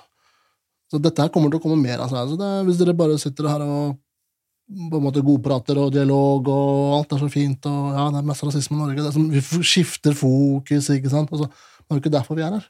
Vi er jo for å snakke om det temaet, ikke for å snakke om hvor mye rasisme det er i Norge. Ja, ja. Hvis det er et tema, så kan vi ta det en annen gang. Men nå er det det her som er tema. Kan vi holde oss til det? Tror jeg er litt sånn berøringsangst. eh, Veldig. Ja, men det er veldig det, og så tenker man kanskje at det er Ja, det er, men det, det blir bare verre. Det, kan jeg, det ser jeg. Jeg ser på skolen på ungdommene. De, er, de kaller seg halal-politi eller haram-politi. Ja, eller ja, ja, hvis du skal, ja, ja, det er jo sånn indirekte Altså på en veldig lav skala, selvfølgelig, ja, men det er jo enkelte uh, som bedriver med det. Altså, når, det når, de det er, når det er ramadan, da, så Ja. passer de på hverandre. Eller de motiverer hverandre, som de sa til meg. Okay. Bare, hvorfor, hvorfor passer du på om han skal faste eller ikke? Er, det, er, det, er ikke din oppgave å passe på deg selv? Nei, men vi- vet, vi motiverer hverandre. Ja. Og da blir jeg litt sånn, ja, ok, motivasjon, ja. Passer de på at eh, jentene går med slør og sånt også? Det kan de fint si. De kan Gjør si at det? du er jo muslim, du skal jo gå med Ja, ja, det har de sagt. Det er som Eh, Iran, jo. Ja, men det, det blir Moralpoliti. Det blir liksom moralpoliti, og dette er det jeg hører fra lærerne, jeg hører fra skolene, de forskjellige skolene jeg har vært borti, og de syns jo det er ganske For dem er det ganske Altså, jeg har jo ingen å si, Jeg tør å stå i disse ubehagene og ta disse samtalene, og det er fordi kanskje jeg har den bakgrunnen jeg har. Men jeg tror det er mye av den. Mm. Men jeg skulle ønske at uh, Kari Ole Nordmann også kunne si at dette, dette funker ikke. Vi tør liksom. ikke, vet du. Det, er, Det er jeg føler liksom det underliggende her, er at vi trenger Hvis vi skal si det, at vi må ta vare på også norsk kultur i dette her, så må vi finne ut av hva er norsk kultur, da. Hva er norske verdier? Hva er det vi vil ta vare på? For Hvis det blir så ullent og udistinkt, og, og hvis det ikke er eksplisitt, da, så blir det så vanskelig å si Mm. hva er det vi skal ta vare på. Det blir som to sirkler. da, Så kommer liksom islam der, og så er den norske verdien og kulturen der. Og den vil liksom ha mye mer og mer og mer. Ja, men uh, halal og haram, og så vil ha mer og mer av den sirkelen. Og så skal den sirkelen si nei, nei, vi må ta vare på den norske òg, men det den norske vet ikke hva det selv er. Norske vet ikke hva verdiene sine er.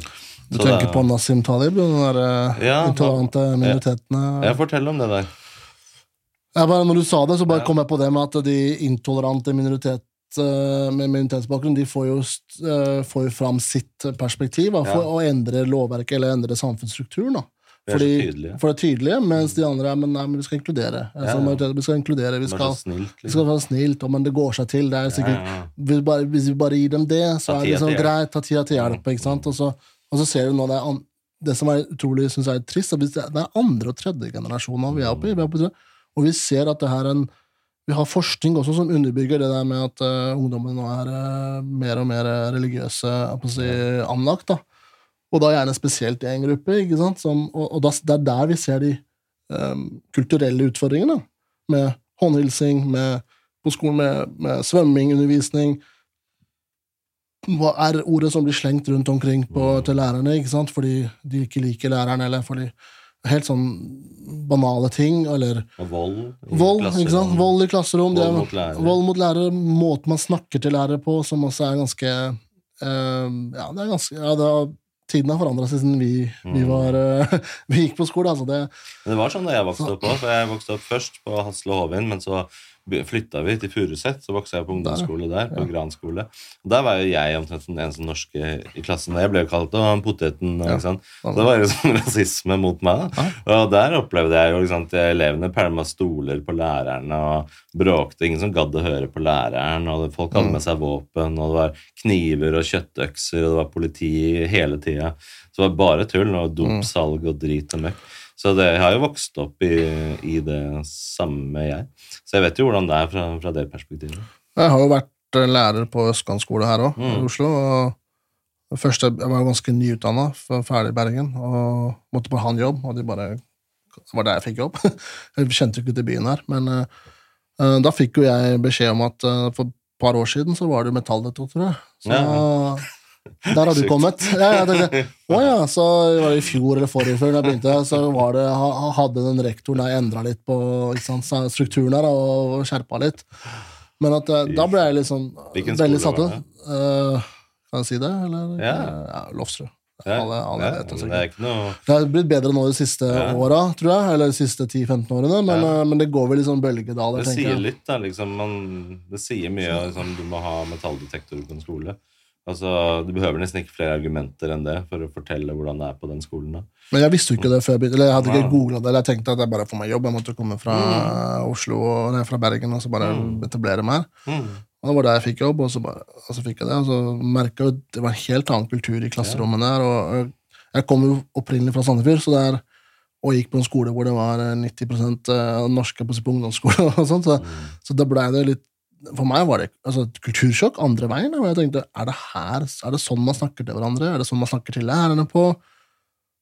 Er det ingen hjem? Jeg prøvde å stoppe litt opp og ta kontakt med foreldrene, for eksempel, og få et tettere samarbeid, men jeg var jo ni og litt sånn Litt sånn ny, da, og han yngste læreren, tror jeg, jeg tida. Men da fikk jeg kjørt meg. Jeg tror ikke jeg holdt ut mer enn seks måneder. Hvordan opplevde du det? Hvordan Ble du angrepet mye som lærer? Nei, jeg ble ikke angrepet, men du ble litt eh, Jeg ble aldri angrepet, jeg var jo bror for dem. For okay, jeg, jeg har jo innvandrerbakgrunn selv, så da var jeg Ah, bror. bror. Jeg var bror, eller brur, eller brur, brur. Må si U. Bror. Ja, Bror. Så jeg var jo en bror, ikke sant. Så jeg, jeg, jeg fikk jo Det gikk jo greit, men det var jo bare de Du vet, barn og vi ungdommer. Vi, vi testa lærerne ut, spesielt han yngste, eller vikaren. Vi, vi tulla alltid, det gjorde vi også selv på det. Vi gjør alltid det. Så der, de, de testa deg ut og kjørte deg, og til slutt så bare fikk jeg jeg tenkte det her, eh, Og så skulle jeg få litt oppfølging, for jeg hadde aldri den Mhm. type skoleklasse før. Og jeg fikk aldri den oppfølginga jeg skulle ha heller, sånn, som jeg ble lova. Så tenkte jeg det her, jeg må finne på noe annet, Fordi det her går ikke lenger. Jeg blir sliten. Følte jeg måtte gå niende klasse pensum på nytt. Og, Men snakker du på en måte um, arabisk eller urdu eller noen av de språkene? Sånn, bare balkansk, holdt jeg på. Ja, riktig. Men er du muslimsk selv, eller? Nei. Eller agnostiker. Agnostiker, ja. Det er Åpen for forskjellige Ja, jeg er åpen for Mm. at det fins noe mer mellom himmel og jord. Og ja, altså jeg har muslimsk bakgrunn. Jeg er jo mamma, altså Foreldrene mine var muslimer. altså besteforeldre, Så Du alle, har vokste opp i en kultur, Ja, muslimsk ja, kultur. kultur. Ja. Mm. Og eh, veldig liberalt sånn sett. da. Vi var ikke så opptatt av hvor vi skulle be. Altså, I Makedonia, så de fem første leveåra der, så bodde vi jo på der hvor de bodde etnisk makedonere, og, de jo, og der hadde vi kirker, ortodokse kirker. Mm. Så husker bestemora mi tok meg dit for å tenne et lys da, og be for forfedrene. ikke sant? Så det var noe vi For henne var gudshus til gudshus, om det var synagoge eller, eller moské eller, eller kirke, så var det et fett. så fint. Ja. Så det var sånn, det er sånn jeg har blitt opptatt i forhold til dette med toleranse. og Det er, det er ikke så viktig, de, de tingene. da, eller, Ja, hun var muslim, hun spiste ikke svinekjøtt og sånn, men det var liksom det var, det, den, den tok ikke over hele hennes identitet. da. Det er det som er vi ser nå, at det der med det å være muslim, det blir så altomfattende. Ja. Det er liksom, men hva med hvem, er du oppi det her? Ja. Altså, hva slags meninger har du når jeg snakker med disse ungdommene i forhold til ja, jeg er muslim, ja, men hvorfor sier du ikke du er pakistaner først, da? Altså, eller, eller norsk, eller, Ja, eller, norsk-pakistaner. ja, eller, eller hvorfor er du eller irakisk yrke? Du, du er liksom muslim. Det er det første ofte som kommer, før du da begynner å på en måte Det norske kommer gjerne sånn tredje-fjerde, ikke sant? Mens du er først muslim, så har du kanskje nei, så har du det etniske bakgrunn, og så er du kanskje norsk også. Hvorfor tror du det er sånn? Hvorfor kommer muslim som primære identifiseringen for hvem du er? Nei, Jeg tenker det er det moskeene De er flinke til å lage den, den, den, den identiteten. da. For det står jo altså, Du skal lage en enhet, ikke sant? Umma. Du skal, alle muslimer skal være under en, en paraply, og liksom vi er en enhetsfolk. Det er kun fred når alle er muslimer, osv. Ja, hele verden er muslim. Hele muslim, da er det fred, ikke sant? Fram til da så er det ikke Så det er et sånt ønske der implisitt om, eller eksplisitt om at hele verden skal bli muslimer? Ja, det er jo det som står i boka, da. At det er da det blir først fred, da. Og at uh, da blir det paradis. Og da, blir det ikke paradis, men da blir det i hvert fall veldig fint, da. Og, Jeg skjønner jo det blir fred, på en måte, for det er jo ingen religiøse kriger igjen. Alle er muslimer. Ja, altså, så har du mange grupper internt der som man ikke tenker på. Du har Ja. shiaene, du har alawittene, du har Og de er veldig uenige. Det vil jo bli kriger der òg, så det er, ikke det, det, det, er, det er ikke sånn at de er 100 enige med seg selv heller. Så det er en sånn der uh, Hva er det vi har mest av i Norge av muslimer her? Hvilken muslimsk retning? er? Sunni. Det er sunni, ja. Sunni retning er det meste vi har. Så har vi ja, Shiva og en del iranere, da, men de er jo, mange av de er jo ganske sekulære. Ok. De tilhører jo, eller mange av dem også er agnostikere eller sekulære, så, eller, eller ikke troende i det hele tatt. Så du har sunni og shia, da, som er de, som, de største Men er det noen i Norge tror du, som heier på sånn type sharialov, som vil ha sharia i Norge og sånn? Ja, det Jeg tror nå Kanskje ikke de moskeene sier det utad, det, det, det har jeg ikke heller noe bevis på heller. nei, men, var eh, din opplevelse av det? men har, du har jo disse Islamnett-gutta, da. De er jo ganske aktive. De, Mm. nå, de, de har jo fått endra litt profilen sin, og nå skal de liksom lage ungdomshus, eller har fått ungdomshus. og de skal liksom, ikke sant, de, de endrer profilen sin, men hvis de kunne bestemme det, så hadde de ønska at, at alt skulle være sharia, alt vi skulle Ja. fulgt den og den. Eh, Og steine folk og sånn? ja, ja, nå har han selvfølgelig Han mener jo selvfølgelig ikke noe om, om, noe, noe om det nå. Nei, nei. eh, men, Men det er jo det eh, som er det er det som er. Ja, ja, det er det som Følge dem ned fra taket og henge dem på torget.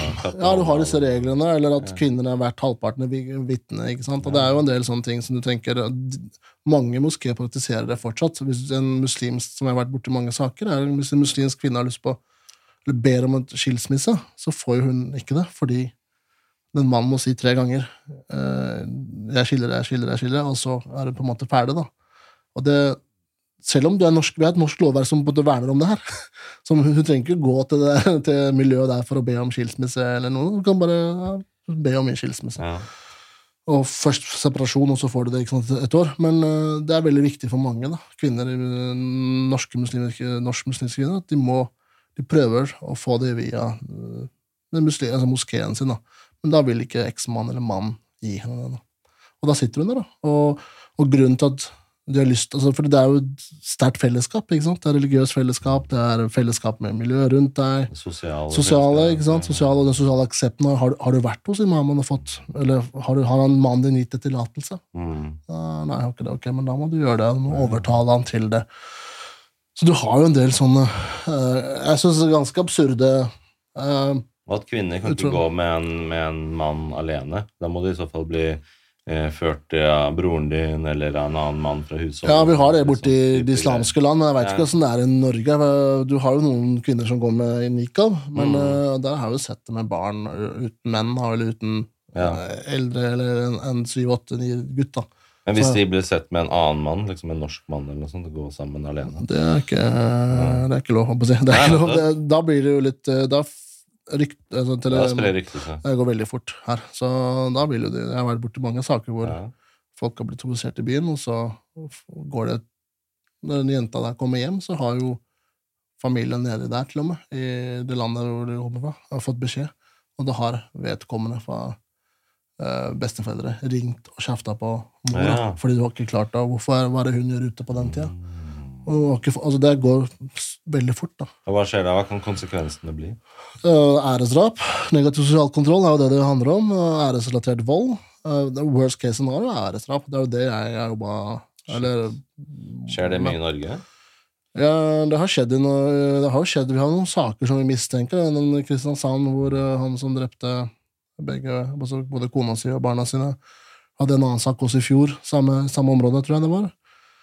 Eh, Det samme Kristiansand-Agder-området. da. Og så har det vært til, andre tilfeller også i Norge hvor dette har skjedd. eh, Men vi er veldig forsiktige med å klassifisere det som eh, det, da. Ja, hva skal til for Hvilke kriterier er det for å si at det er ærestrøm? Det er et godt spørsmål, fordi ofte så vil jo de si at de er sinnssyke i gjerningsøyeblikket. For da får de jo mindre straff, og da er de utilregnelige, og så, og så, og så havner de ikke under den æreslatt... Altså, de havner ikke der, de havner på et annet spor, da, kan man si. Mm. Og det er, eh, det er jo det som er litt sånn ja, altså, Ellers så holder media altså litt nyss om det også, fordi jeg hadde lyst til å skrive en kronikk om det i etterkant, men så tenker jeg, men jeg har jo ingen eh, Det som skjedde i Kristiansand, var det vel? Han som drepte dattera si og moren sin, eh, og kona si. Men eh, så tenkte jeg på det etterpå, og bare, jeg kan jo ikke det, kanskje, fordi jeg, det, har bare mine antakelser. Jeg har jo ikke, og Det sitter jo langt inne for politiet å si at dette her er et drap. Det, Det er det som er så sykt med media, altså. NRK og sånn, at hvis det er noen med innvandrerbakgrunn eller noe sånt som har eh, angrepet eller vold eller kniv eller eh, machete eller hva som helst, så er det liksom sånn at det sitter langt inne for dem å skrive at personen hadde innvandrerbakgrunn eller sånt, sånn. Man skal liksom ikke nevne det lenger, fordi det, oh, det kan føre til stigma, oh, det kan føre du har jo den Være og sånn. varsom-plakaten, da. Mm. Men, eh, men jeg tenker sånn, folk er jo ikke dumme, så har vi de alternative mediene hvor det kommer fram uansett. Så tenker jeg, skal du lyst til å begrense deres innflytelse, så tror jeg kanskje du skal være ærlig om det. Eh, fordi folk er jo ikke dumme, de ser i nærområdet sitt, da. Så det er, det tenker jeg igjen dette med medias eh, Jeg kaller det gjerne feighet, da. Eller, eller konfliktskyhet, eller La oss snakke om det der med æresdrap og æreskultur. Hva er egentlig æreskultur? Det, er, eh, det går på hel, hele familien. Altså, og det spesielt jentene eh, bærer jo De som har minst å si, da, er jo jentene og kvinnene. Men de bærer jo hele eh, familiens ære. Så hvis hun er blitt besudlet, eller at hun har fått seg en kjæreste, eller ja, eller gifte seg med noen som ikke de er samtykker om, uavhengig om han er muslim eller ei. Liksom. Det kan være også det òg, spiller ingen rolle. Men en som ikke familien har samtykka, så går det utover hele æren. Altså deres omdømme, ettermæle. Det er litt vanskelig for nordmenn å forstå, eh, fordi vi er sånn ferdig med den klan at-tanken, på en måte. Eller dere nordmenn er jo det, ferdig med den. Det holdt på med i gamle dager, kanskje for eh, 1700-1800-tallet, eh, mens nå Mens det lever i beste velgående tilstand her nå. Hvorfor er det akkurat jenta som er så toneangivende for om familien er eller ikke?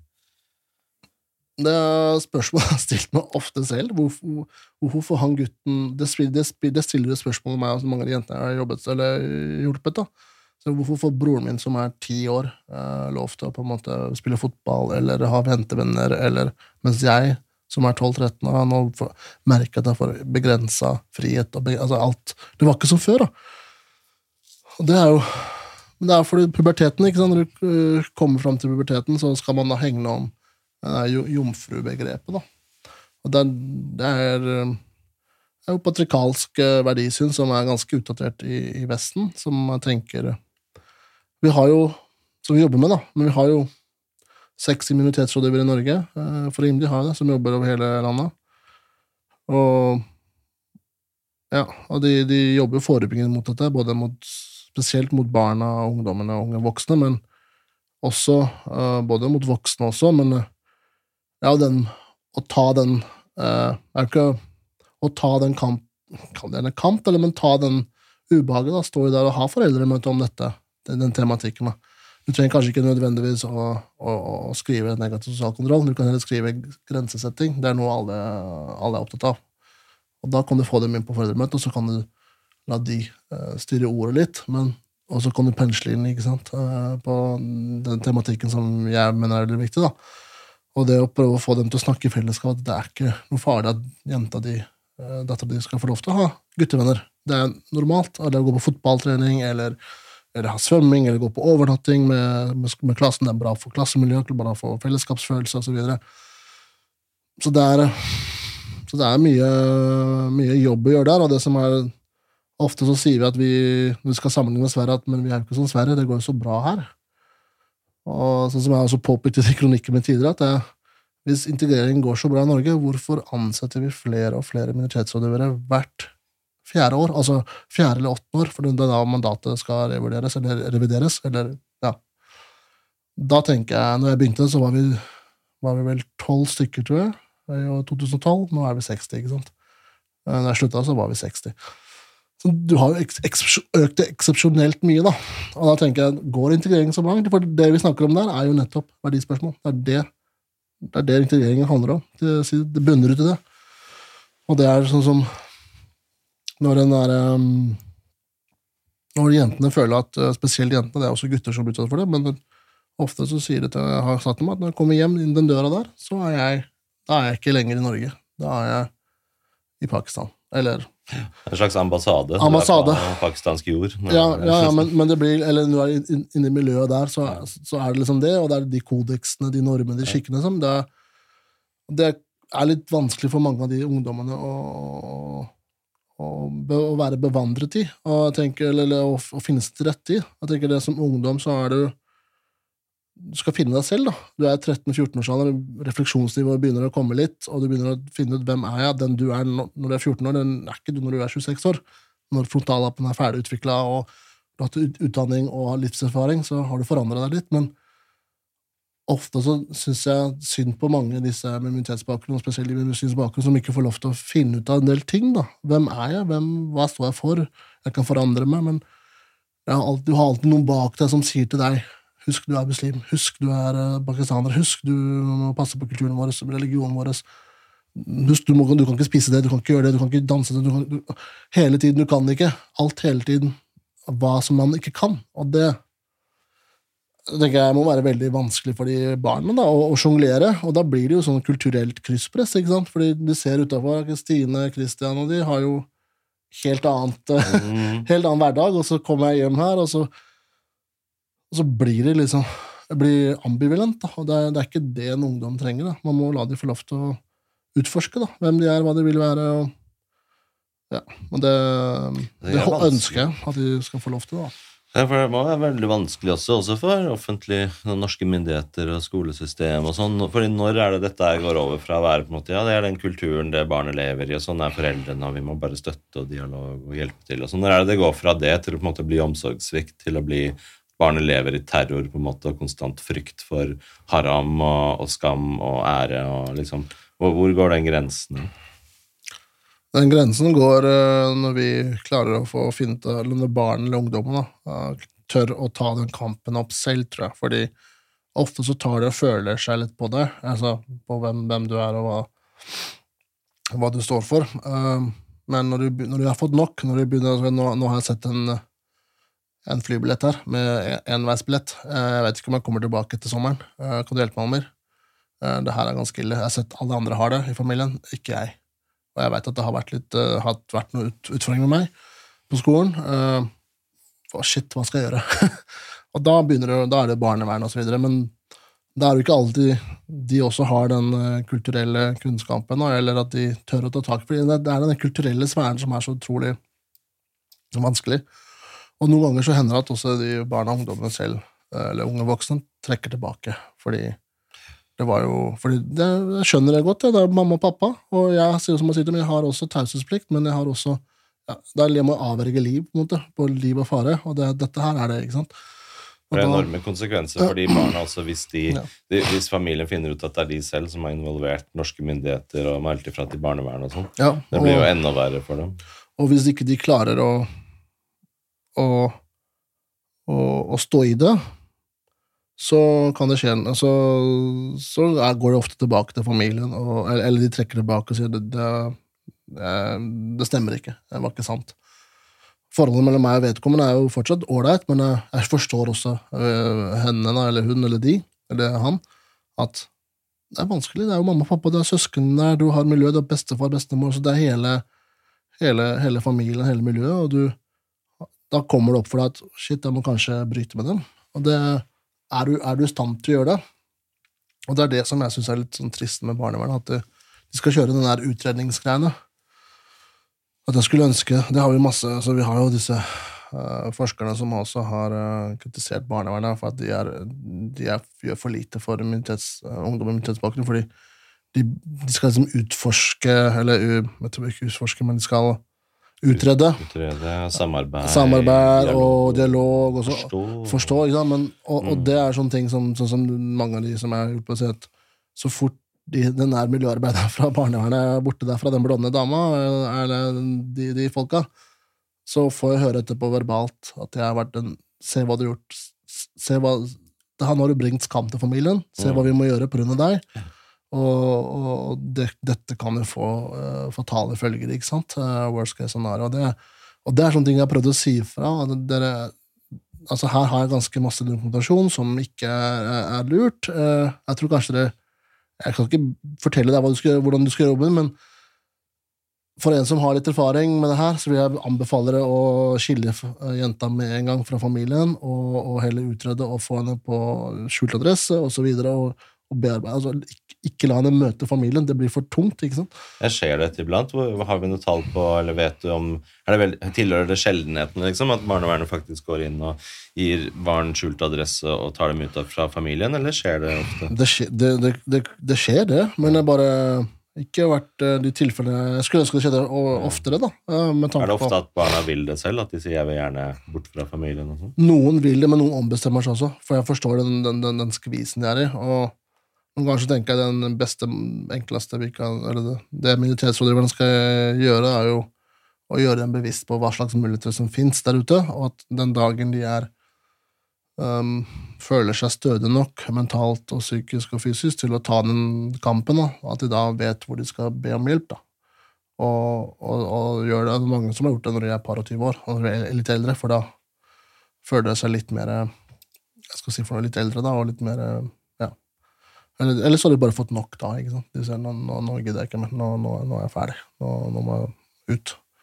Men det er, eh, det er vanskelig. Det er eh, Jeg har jo eh, vært med og bidratt i en sånn NRK-dokumentar som kommer ut i januar.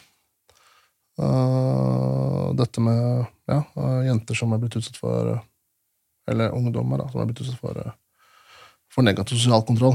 Og da så det er ganske Du vil få høre en del eh, triste skjebner ute. Det blir sikkert bli en del debatt om det i januar. Da. Det blir- Er det gått ut med navn på den dokumentaren? Hva den skal hete? og sånn, eller? Nei, det har jeg ikke fått Det er med meg ikke ennå. ut Eh, Bare godkjent materiale, holdt jeg på å si. Eh, Men det Er er jo det ting som du har med- Ja. opplevd selv? Som du ja, ja, forteller ja, om? ja. Det var ei der som, eh, anbef- som sa at eh, i NRK Brennpunkt-folk at eh, det var en som forsto meg, det var meg, og som hjalp meg. Så da, da er jeg med som han. Eh, Hjelperen hennes, da. Som på en måte har Det er fint da, for deg å vite at Ja. du faktisk har bidratt med noe Det veldig kjempe- konkret. Det ga meg gåsehud når jeg så på det. det. var, herregud, det er, noen ganger så tenker man ikke at man, man man, får den der, man må ta et steg tilbake og tenke at du har faktisk vært med og bidratt uh, til å i hvert fall uh, gjøre et liv enklere for det mennesket der. Da, i hvert fall. Det, det syns jeg var ganske fin måte de sa. Da var det en som forsto meg. Uh, alle de andre har jo ikke forstått henne ikke sant? Mens, fra skoleapparatet. Mens jeg forsto henne med en gang, og, og satte i gang ikke sant? hva hun skulle. Hvor hun skal gå, hvor hun burde få hjelp, osv. Så, videre. så så det er jo det er det fine med den jobben. da. Du er med på å utgjøre et forskjell, eh, faktisk. Enten om du gjør det nå, eller om du gjør, gjør det seinere, men du så iallfall noen frå da, frø. Og så håper jeg de, de finner en kamp, eh, styrke da, til å ta den kampen opp. Eh, opp ut i tørra. Med mange, med mange som også bare gir etter og ja, bare gjør det familien vil. Både gutter og jenter, og tenker at det får bare være. Eh, jeg har ikke lyst til du, Det er så mye som står på spill. Da. Familie, venner, søsken, ikke sant? miljøet rundt. Storfamilie, primærfamilie. Så jeg skjønner den, den overveiningen. Det er kjempevanskelig. Hvilken aldersgruppe er det typisk gjelder hvor det er vanskeligst? Det er vel typisk jenter liksom, for, som er i den skvisen pga. nettopp det med skam og ære og mm. sånn. Hvilken aldersgruppe er det det oftest gjelder? Liksom 14, 15, 16 de er, liksom? Det kan være alt fra 14, 15, 16 til uh 1920. Altså okay, 18-1920. Ja, hele veien der. Tenårene. tenårene så spørs det veldig hvordan uh, utagerende de har vært. ikke sant? Uh, hvis de har vært litt utagerende, eller foreldrene har funnet at de har hatt en kjæreste da, på ungdomsskole, eller barneskole, eller, jeg mener, eller på videregående skole, så kan jo ting eskalere seg, da. ikke sant? Eller at eller at du har hatt sex, liksom? Ja, eller at bare det. Eller, eller gravid. Ja, eller gravid, eller sex, eller, eller Ja, ikke sant? Eller drikket alkohol, vært ja, på fest. Ja, ja. Mm. Guttene får som regel liksom, ja, de får det. De får jenter, liksom? Ja, jenter skal ikke nei, nei. Det husker jeg stussa veldig over, at uh, jeg så aldri muslimske jenter på fester da jeg var yngre. Men jeg, jeg, visste jo alle de brødrene som var jo der, men ja, ja. aldri de jentene der. Så jeg bare ja, stussa litt over det der, tenkte jeg, på den tida da jeg var sånn 15-16 år. hvis, du, hvis, det er noen som skulle Kan jo hende noen som hører på dette her, som er en si, muslimsk jente i, i aldersspennet mellom 14 til 1920 i tenårene som skulle høre på dette her, da? Hva, hva, slags tanker eller ord vil du si til henne hvis, hvis, det er en jente som befinner seg i en sånn situasjon, som, som syns det er vanskelig med familien, og hvor det er en æreskultur og sånt, og syns det er vanskelig å kanskje si fra om det eller komme seg ut? Hva, vil du gi noen ord til henne? Uh, det jeg ville sagt, er at det fins et håp. Uh, vi er veldig gode på dette med å ta vare på de som har Eh, på systematisk måte, de som bryter ut av familien. Vi har, faktisk, eh, vi har faktisk det i Norge. En ganske god erfaring med det. Hvor de får hjelp og blir ivaretatt av eh, et hjelpeapparat som går litt forbi meg, da, når jeg setter dem i gang med politiet eller barnevernet. og så, så, så, så det, det fins et håp, og, og, så må du tørre å stå i det ubehaget som fins. Men så er det heller ikke noe Vi kan også på sikt kanskje som altså, vi kan på sikt vi kanskje kan få til en dialog med dine foreldre, for jeg vet at det er veldig viktig at du også har kontakt med dem. Det, det har jo skjedd, faktisk, at vi har oppretta dialog og kontakt igjen, og, og da har de truffet, da, men innimellom. Så, så, det går an, på en måte. Uh, det er ikke alltid, da, men det går an, på en måte. Så det, det, er det jeg prøver å si, at kanskje dere kan ordne At du, at du gir dem et lite håp om at det kan skje, da, fordi kan være at pappaen eller mammaen kommer på bedre tanker. da, Du vet, du vet ikke. Men også, du må huske på at de også blir pressa, fordi det er forventet at de skal opprettholde det her. Jeg har vært borti foreldre som også har sagt at det er forventa at jeg, som mannens overhode, må passe på døtrene. Jeg skulle ønske ikke det var sånn, men det er forventa, og hva faen skal jeg gjøre? ikke sant? Egentlig foreldrenes ansvar å, liksom, å bryte med den der ukulturen selv og si, ta et standpunkt og si nei, vet du jeg er ferdig med æreskulturen. Ja. Jeg vil leve en mer verdier som er i tråd med kanskje det norske mm. fellesskapet, ja. hvor vi ikke er så opptatt av ære, men opptatt av utfolde seg hvem man er. Individual, individualiteten, eller ja. Selvrealiseringen, bli hvem man vil være, leve fritt. Ja, eller utforske til man kommer til et nivå hvor man finner en vei da, i livet. Det er, eh, det er det jeg skulle ønske at de eh, moskeene kanskje kunne vært med å bidra med. da. Eh, men, eller, eller NGO-ene eller politikere på ytre venstre side eller venstresiden til å si disse tingene, da, som jeg sier, og prøve å forfekte at det er kjempebra, men kan vi snakke om disse tinga? Fordi det er der skoen trykker, ikke Ikke om det mennesket har lært seg norsk eller ei. Eh, de, sier alltid i politikere bare språket er nøkkelen til alt. Ja, ja, det finnes jo mange Jeg var borte, husker jeg, en pakist, norsk-pakistansk lege som hadde et ganske forkvakla syn. Han snakker jo perfekt norsk, oppvokst i Norge. Han er jo integrert, tilsynelatende, men uh, han har jo et, han forfektet et, et veldig sånn uh, Hva skal jeg si for noe Jeg vil kalle det gjerne lite bra menneskesyn da, i forhold til andre og kvinnesyn osv. Hva slags type ting var det han mente? Åh, nå husker jeg ikke akkurat den, Det var en kronikk som kom Det var en stund siden, da. På Aftenposten så var det en Jeg husker ikke navnet på den, en norsk-pakistansk lege som Jeg tror det var snakk om noe Kvinnerollen eller noe sånt, og da hadde, jeg lurer på om kanskje Abid Raja hadde skrevet noe. Jeg husker, ikke noe, nå bare tenker jeg vel liksom, det som kom først opp i hodet mitt. at han, had, altså, dette med, han, han, er jo han er det du ville kalt en, godt, en som er godt integrert. Snakker perfekt norsk. Eh, lege. Eh, høyt utdanna. Men han, han, for, han forfekter et, for, et forkvaklet menneskesyn da, i forhold til likestilling eh, og, og, og, alt det der. ikke sant? Og da tenker jeg du er ikke integrert bare fordi du Du må være, du må være integrert inn, inni deg òg, og ja. er inni deg der du har de verdiene. Det er også skrevet en sånn husker jeg skrev den kronikken at man er ikke integrert bare. Man kan snakke språket og betale skatt og på en måte jobber, og, ja, men det sier jo ingenting. Det var fasade, liksom? Det er veldig fasade, og, og, hvordan man kan se disse tingene, den er jo på uh, gifte, gifte så SSB har jo sånn giftestatistikk, og vi ser jo den dag i dag for eksempel, at uh, de med muslimsk bakgrunn de holder seg til hverandre på 98,1 prosent. Uh, det er for hele, tror jeg. Så har du altså norsk-pakistanere gifter seg med hverandre. Du har uh, tysk, uh, tyrkere altså, De gifter seg ikke det, det, kan hende at de gifter seg på tvers av etniske grupper, men som regel innad. Da. Og det, da tenker jeg, Det er snakk om andre og tredje generasjon. Da. da tenker jeg ja, mens nordmenn, det var samme, samme test var gjort på nordmenn tror jeg, i 2007 eller 2008. Da var det 20 eh, nordmenn på den tida. da var gift med utenlandske, eller mm. folk, jenter eller kvinner eller menn som hadde utenlandsk opprinnelse. Og Av de så kan man sikkert fort anta altså man, Jeg vet jo at av erfaring det er ikke ofte man gifter seg med at det er ikke ofte en norsk og pakistaner eller norsk og muslim gifter seg med hverandre. Da, det skal en del runder før det skjer. Det kan skje, eller det har skjedd. Men det er ikke så ofte. sant? Det er, men typisk hvis noen konverterer, liksom? Ja, da skjer det, men, ja.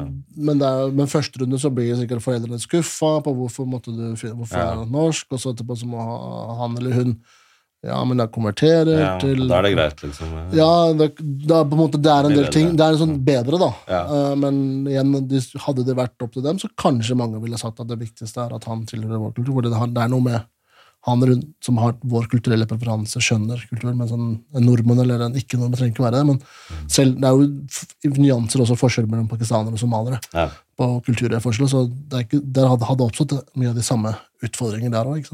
Men den jenta som, den hypotetiske jenta som vi prata om i stad, mellom 14 til 1920 hvem er det en sånn jente burde kontakte først hvis hun er bekymra og redd og alene? og hvem, vil, hvem, er det hun skal gå til og si dette? Hun skal gå til øh, øh, læreren, rådgiveren, eller minoritetsrådgiver, hvis skolen har det. Så vil, eller så hvis ikke skolen har minoritetsrådgiver, så kan de ta kontakt med kompetanseteamet i Bufdir eller øh, IMDi. De har en sånn hotline, kan du si, hvor du kan da diskutere anonymt okay. utfordringene og sier ikke hva er det her for noe. Skal jeg ringe til barnevernet, skal jeg ikke ringe til barnevernet? Eller hvordan, okay. hvordan går det? Så det, det, går an, og da vil de bli satt i gang. Eh, fordi det minoritetsrådgiverne de, er jo de har jo ikke myndighet, de, bare, de sender bare videre ja. til hjelpeapparatet. Så det er det, det er det, som skjer, da. Og, og da er det drøfting og diskutering da, i forhold til Jeg har for eksempel fått telefoner fra andre skoler som nå jeg ser at jenta har gått ned masse vekt, har måttet ha på seg hijab, eller Hun er ikke noe glad altså, En total uh, uh, endring av, av, væremåte, da, fra å være deprimert ikke sant, og, må gå rett hjem etter skolen. Altså, det er en del tegn vi kan se, som det er veldig viktig at du kartlegger. Det kan jeg gi dem noen spørsmål de kan stille da, hvis ikke de har minoritetsrådgiver på skolen. Og da må du se da, hvis det er, er det her noe der, og så er det noe der. Er det noe, er det noe i det? Og så må vi da finne ut ok, skal vi sette i gang eh, eh, Sende fra videre, da. Og, men da er det alltid viktig å få med Prøve å være ærlig med jenta, da, eller gutten, og fortelle dette er det som kan skje videre. Um, jeg er bekymret for din altså, helse, altså det er liv og fare. Helse her. Du har gått til masse kilo, og du Det her er ikke bra. Du Jeg tror kanskje vi må sant, uh, ta kontakt med barnevernet. Um, og da vil du få ofte da, en sånn der Nei, men det er ikke så ille at de sier nei, og så videre. Så man må, da må man ta den avveiningen, og du har nok eh, kartlagt deg nok og har nok dokumentasjon på at dette her er, vil ikke gå bra. Jeg tror du må få hjelp, eller vi må få, sørge for at du får den riktige hjelpen. for gjør vi ikke det, så vil det gå mye dårligere med deg på sikt. Så det er det. Så det er typisk læreren de går til først, som i så fall jo læreren eller sosiallæreren eller det er jo det, eller minoritetsrådgiveren, da, eh, som skjønner, som i mitt tilfelle. Da, hvor jeg skjønner Jeg, kunne, jeg, jeg peiler meg inn på de kulturelle kodeksene. Sånn, og bare kunne slappe av. da, det var liksom ikke at jeg spurte så nysgjerrig å ja, hvorfor er det altså, Da visste hun at her er det en som skjønner. Og, ja, Det er ikke helt nytt for deg? Liksom, sånn, og, da, ja, fra scratch, og da slipper mm. de å starte med det, fordi ofte ja. kan det være vanskelig for dem, mens jeg kan bare gå rett på og si at det er avhengig av relasjon osv., men uh, men, uh, men, Du skjønner kanskje litt mer om det er en faresituasjon eller ikke? Ja. Om det er mer sånn vanlig kulturgreie, eller om ja. shit, hun her er i livsfare? Det er en avgjørelse du må ta veldig sånn uh, der og da. Så, om, ja. er det her, uh, Når du har kartlagt det, og du sitter igjen med ok Ja, du må gjøre det raskt, altså. Hva skjer da hvis en jente for forteller at du, jeg hadde sex med en norsk fyr, og nå vet familien min det, og de truer meg, og nå har de kjøpt enveisbillett til Pakistan for meg, og, og, hva gjør man da som minoritetsrådgiver hvis man hører den historien? Da sier jeg fra til henne at vi må ta kontakt med barnevernet, men hvis hun ikke tør å gjøre det her på den måten, så finnes det en annen vei å gjøre det på, det er å si fra til Gardermoen, fordi hvis de skal fly dit, så kan jeg oppgi eh, personnummer og hvem det gjelder, så kan de dra, dra jenta til side, eller gutten til side, Uh, politiet der? Ja, politiet der. Det er jo politipost der. Mm. Og så og så ta den samtalen og så, og så få henne det hjelpeapparatet videre som kan hjelpe henne videre. Da. Det er en sånn eh, Det er noe vi har gjort før da, og kan gjøre. Hvis, spesielt fordi det er ofte, spesielt hvis jenta ikke ikke helt uh, samtykker i at du skal uh, si fra til barnevernet. da. Fordi da kan det jo være at hun motsier seg alt sammen, er det nesten bedre at hun blir dratt til siden og kan fortelle til noen i politiet. Da, som, og jeg prøver å alltid bearbeide eller forberede dem på at det her er lurt, fordi du kommer kanskje ikke tilbake, og det er vanskelig for meg å hjelpe deg når du er i, i Irak, da, enn hvis du var i eh, Norge. Det er liksom det beste jeg sier. fordi alle, alle kjenner, altså Når jeg har vært på disse skolene, ungdomsskolene og videregående og holdt foredrag, og så, videre, så er det alltid noen som kjenner noen som har blitt sendt til utlandet. Som sitter der fortsatt, ikke sant. Men noen av de sier ja, men han trives, eller hun trives, og Ja, ja, ok. Uh, jeg veit ikke om jeg Det kan være de gjør det, for all del, men det er, det er Noen av de kommer tilbake i Norge på senere tidspunkt, da, når de blir litt eldre, videre. Men uh, For det kan liksom ikke ja. bare være opp til uh, barnets egen vilje, liksom, fordi det er under 18. De kan ikke bare være autonome, og man skal bare lytte til hva de ønsker. Noen ganger så må vi voksne ta avgjørelse for dem og si nei, dette her skjer ikke, selv om vi hører du har lyst til det, men mm. det, det, er ikke et informert samtykke, på en måte. Vi må, ja. vi må bestemme dette for deg. Ja, ja det, det, det, kan du selvfølgelig absolutt gjøre, og det bør du gjøre. Det er jo foreldres ansvar, men når det går på den type Altså, nå har vi bestemt at du skal gifte deg, og du er like før du er 18 år, da så vi gjør det nå fordi vi vet at når det blir 18 år, så er det eh, Da spiller det en, del andre lovverk, da. Ja. Og, og da, da, gjør vi det nå, så blir vi ferdig, eller har forlovelsesfest. Ja, ja. Og så kommer han tilbake, så søker vi gjenforening, så kommer han eller hun ikke sant, et par måneder senere og, og, og, skal gifte oss, da. ikke sant? Og, så det Hva hvis den jenta ikke går på skole? Hvem er det hun burde ta kontakt med? Hvis hun ikke har en lærer, ikke noe nettverk, og ikke noe Hvem skal hun snakke med? Det er kjempevanskelig. Er det å liksom ringe barnevernet, eller ringe politi, eller uh, politi. Politi, ja. ja Be om et møte. Be om et møte. Men uh, å fortelle uh, I Oslo så har man sånn De har ganske god erfaring med æresrelatert Altså negativ sosial kontroll og æresrelatert vold, da. Så de har ganske godt, gode fagpersoner der, som jeg ville anbefalt. da. Men igjen, da, hvordan kan den jenta få den informasjonen hvis ikke den vet det? Hvis den har allerede blitt Ja, ja. veldig isolert fra samfunnet. og, og noen som sagt, det er ikke sikkert de får det. da. Fins det en egen sånn hjelpetelefon for den typen ting? Ehm, jeg pleier å gi dem en sånn lite brosjyre hvor du har forskjellige telefoner til forskjellige ambassader og, og, og til buff, altså India videre. Men, men det er politi, altså. 112. Og, og ta det derfra, be om et møte, eller bare be dem komme fortest mulig, eller si fra til grensekontrollen på Gardermoen hvis man kommer på sånne ting. Men det er jo ikke sikkert. Ja, men ikke sant? Man skal være ganske ressurssterk også for å vite om alle disse Jeg tror ikke de kan det er mange som ikke vet det. ikke sant? Men um, jeg tenkte på at det gir meg assosiasjoner. Jeg husker jeg så en film for noen år siden, en norsk film, som handlet om akkurat de tingene der. Jeg tror jeg så den på kino. Hva vil folk si? Ja, ja, ja, ja. Den var veldig sterk. Den. eh, Føler du at den er et representativt bilde av hvordan Absolutt. det er? Den er uh, veldig representativ for uh, hvordan det er for enkelte. Uh, det er selvfølgelig ikke alle sammen, jeg vil ikke understreke det, men det er for mange så er det realiteten sånn. Det er mange mørketall der ute som ikke vi får hjulpet, eller som kvier seg for å få hjelp. Og som på en måte har det greit, og egentlig ikke har det, har det så rett. Så det er, det er tøft. det. Så det var veldig bra film, og um, Iram Haq eh, eh, norsk eh, skuespiller, altså norsk-pakistansk skuespiller og direktør der, eller regissør, hun var den filmen var, jeg bruker den ofte, og ha oppgaver etterpå. Det burde man vise på skoler og Ja, sånn. ja, vi gjør det. Altså, jeg gjør det i hvert fall, og jeg vet at også mange andre minoritetsrådgivere jeg jobbet der, drev på med det samme, hadde tema rundt det, hadde det i samfunnsfagene i KRL1, altså dette med moral, etikk, og så tok opp disse tingene, da.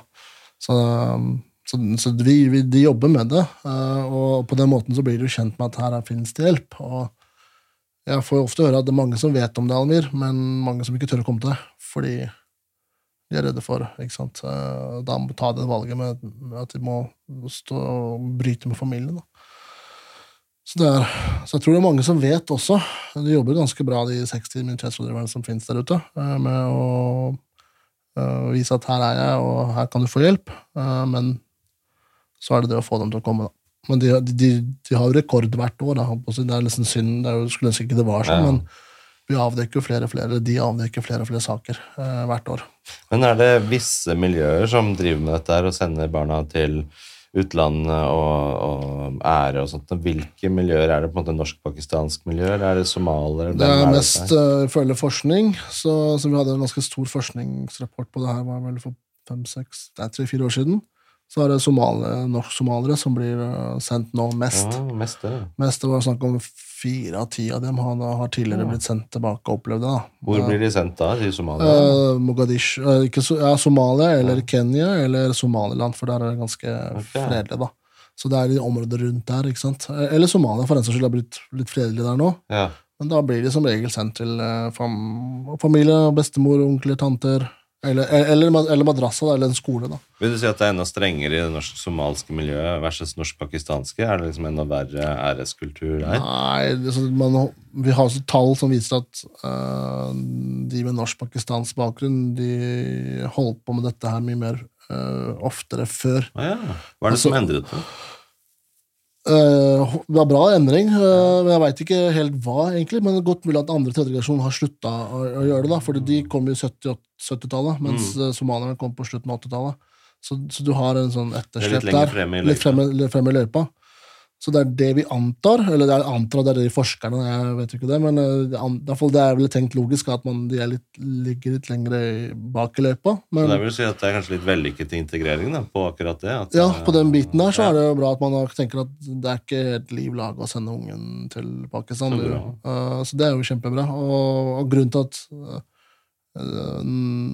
fire av ti norsk-somalske ungdommer mellom 14 og 19 år tror jeg, har opplevd det, eller kanskje litt eldre, har opplevd det å bli sendt tilbake til uh, utlandet, eller et eller annet utlandet mot de ville. Jeg tror det var fire av ti. Wow. Ganske høyt tall. wow. Og det var eh, at Det ene, ene er jo at du har blitt havnet i et kriminelt miljø.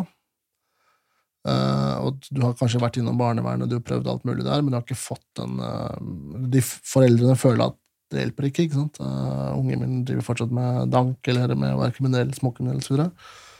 Da tenker jeg ikke da skal han bli sendt til hjemlandet for å få liksom litt mer disiplin, litt mer lære om kultur og religion, og, ikke sant? og så kommer han tilbake et par år seinere. Det er det ene. Andre grunnen, hva, hva tror du andre grunnen er?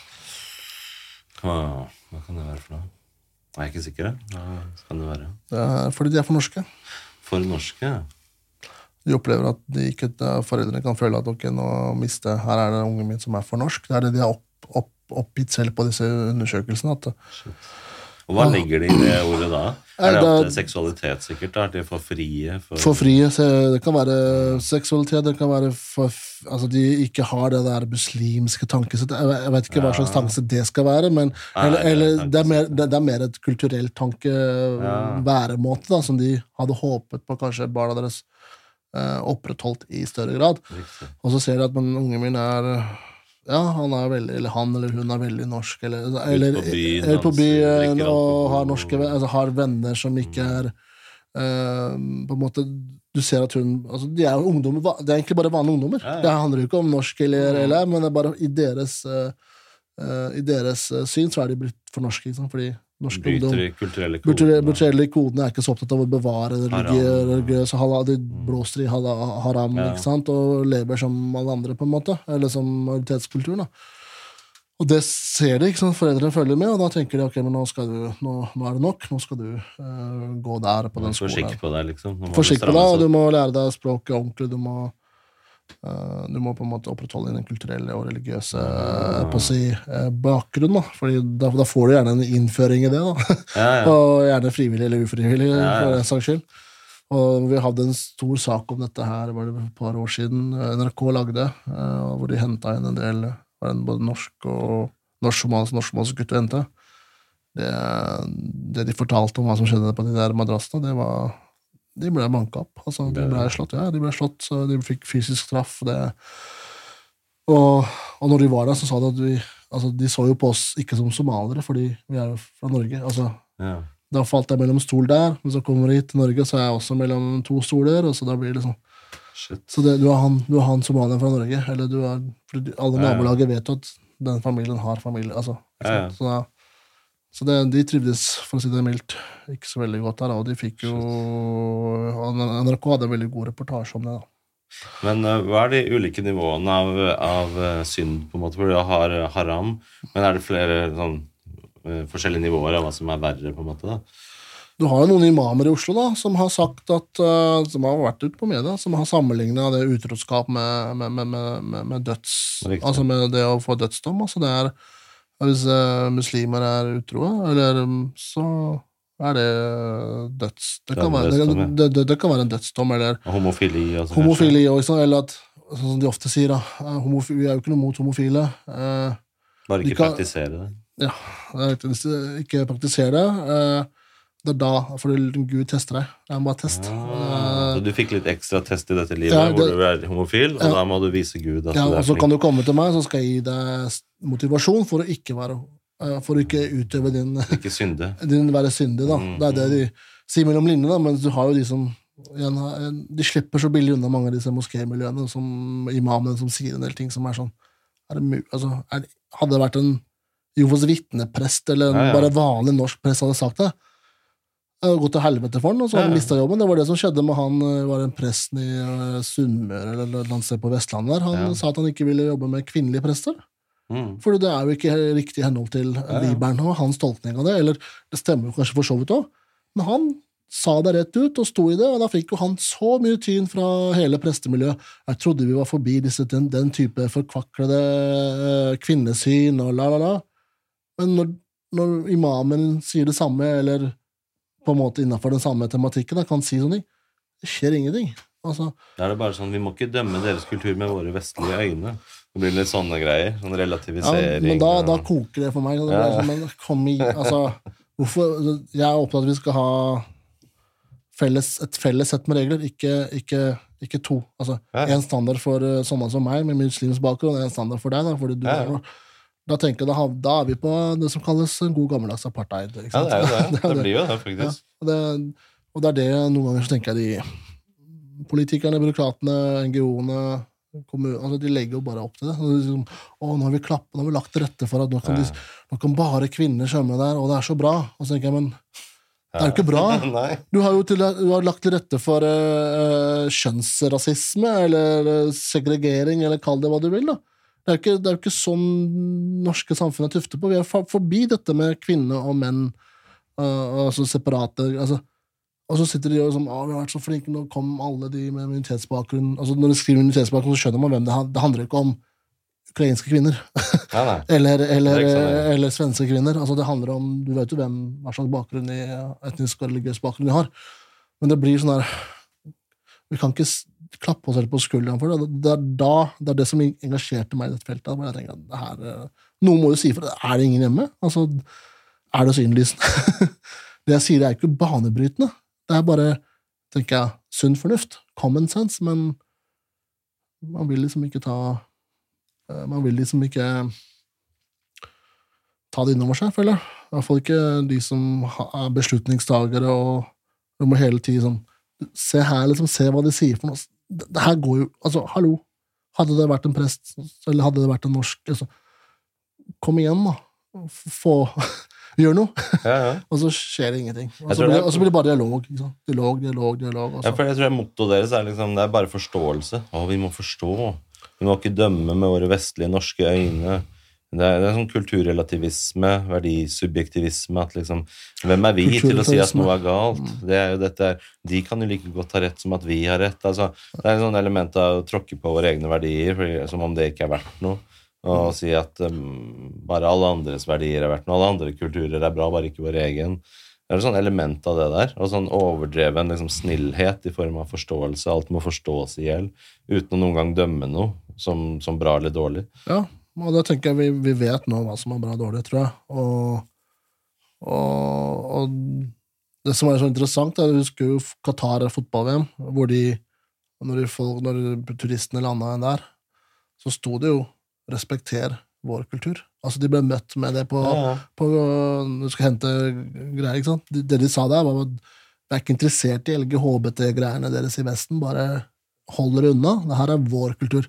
De tør å si det, mens her er det plutselig Å si det, så er det jo ytre høyre, ikke sant? Og gud vet Altså, hva verre, ikke sant? Mens jeg tenker Er det Hvorfor er det sånn du sier, hvorfor skal det være så kulturrelativistisk? Jeg skulle ønske de som går på, de som skal utdanne seg innenfor dette yrket, da, at de faktisk får litt eh, andre motstemmer, da, uh, som kan faktisk være med og bidra til å gjøre dem robuste nok til å tørre å stå i disse utfordringene, for dette her blir det bare mer og mer av, som vi ser, som har sagt det tidligere, og de kulturelle utfordringene med verdispørsmål og, og sånn, det kommer det å bli mer av i Norge. Og det er Det burde stå på vår eh, flyplass av Oslo lufthavn Gardermoen når du lander. Respekter våre verdier og vår kultur. Ja, men, altså, men hvis, du, hvis du skal spille det spillet der, så ja, ja, ok, men da spiller vi det der spillet spillet der. Uh, men uh, vi gjør liksom ikke det. Og da la oss komme inn på det. Hva er norske verdier og norsk kultur da, som vi burde eh, verne om og ta vare på? Hva syns du, hvis vi skal prøve i fellesskap her å komme frem til noen norske verdier? Så dette er noe positivt og bra med, med Norge som vi burde ta vare på i verdisystemet. tror jeg var inne, inne på det innledningsvis. Altså, det er jo det der med um, likestilling. Ja. Um, toleranse. Den tror jeg er veldig Toleranse og likestilling. Og, og jeg vil kanskje si selvkritisk òg. Det er en sånn Mm. norsk eh, altså Det er ganske unikt. da altså tenker jeg for Selvinnsikt. Selvinnsikt, kaller jeg gjerne. Selvkritikk eller selvinnsikt. Det motsatte av æreskultur, egentlig. Det motsatte av Av æreskultur. Ja, æres, ja, Fordi æreskultur, da, da tråkker du på deg selv på en negativ måte hvis du driver med selvkritikk. Da, da senker du verdien din i det fins ikke noe selvkritikk i Tyrkia, for eksempel. Alltid rett. Ja, jeg har rett. Alle andre tar feil.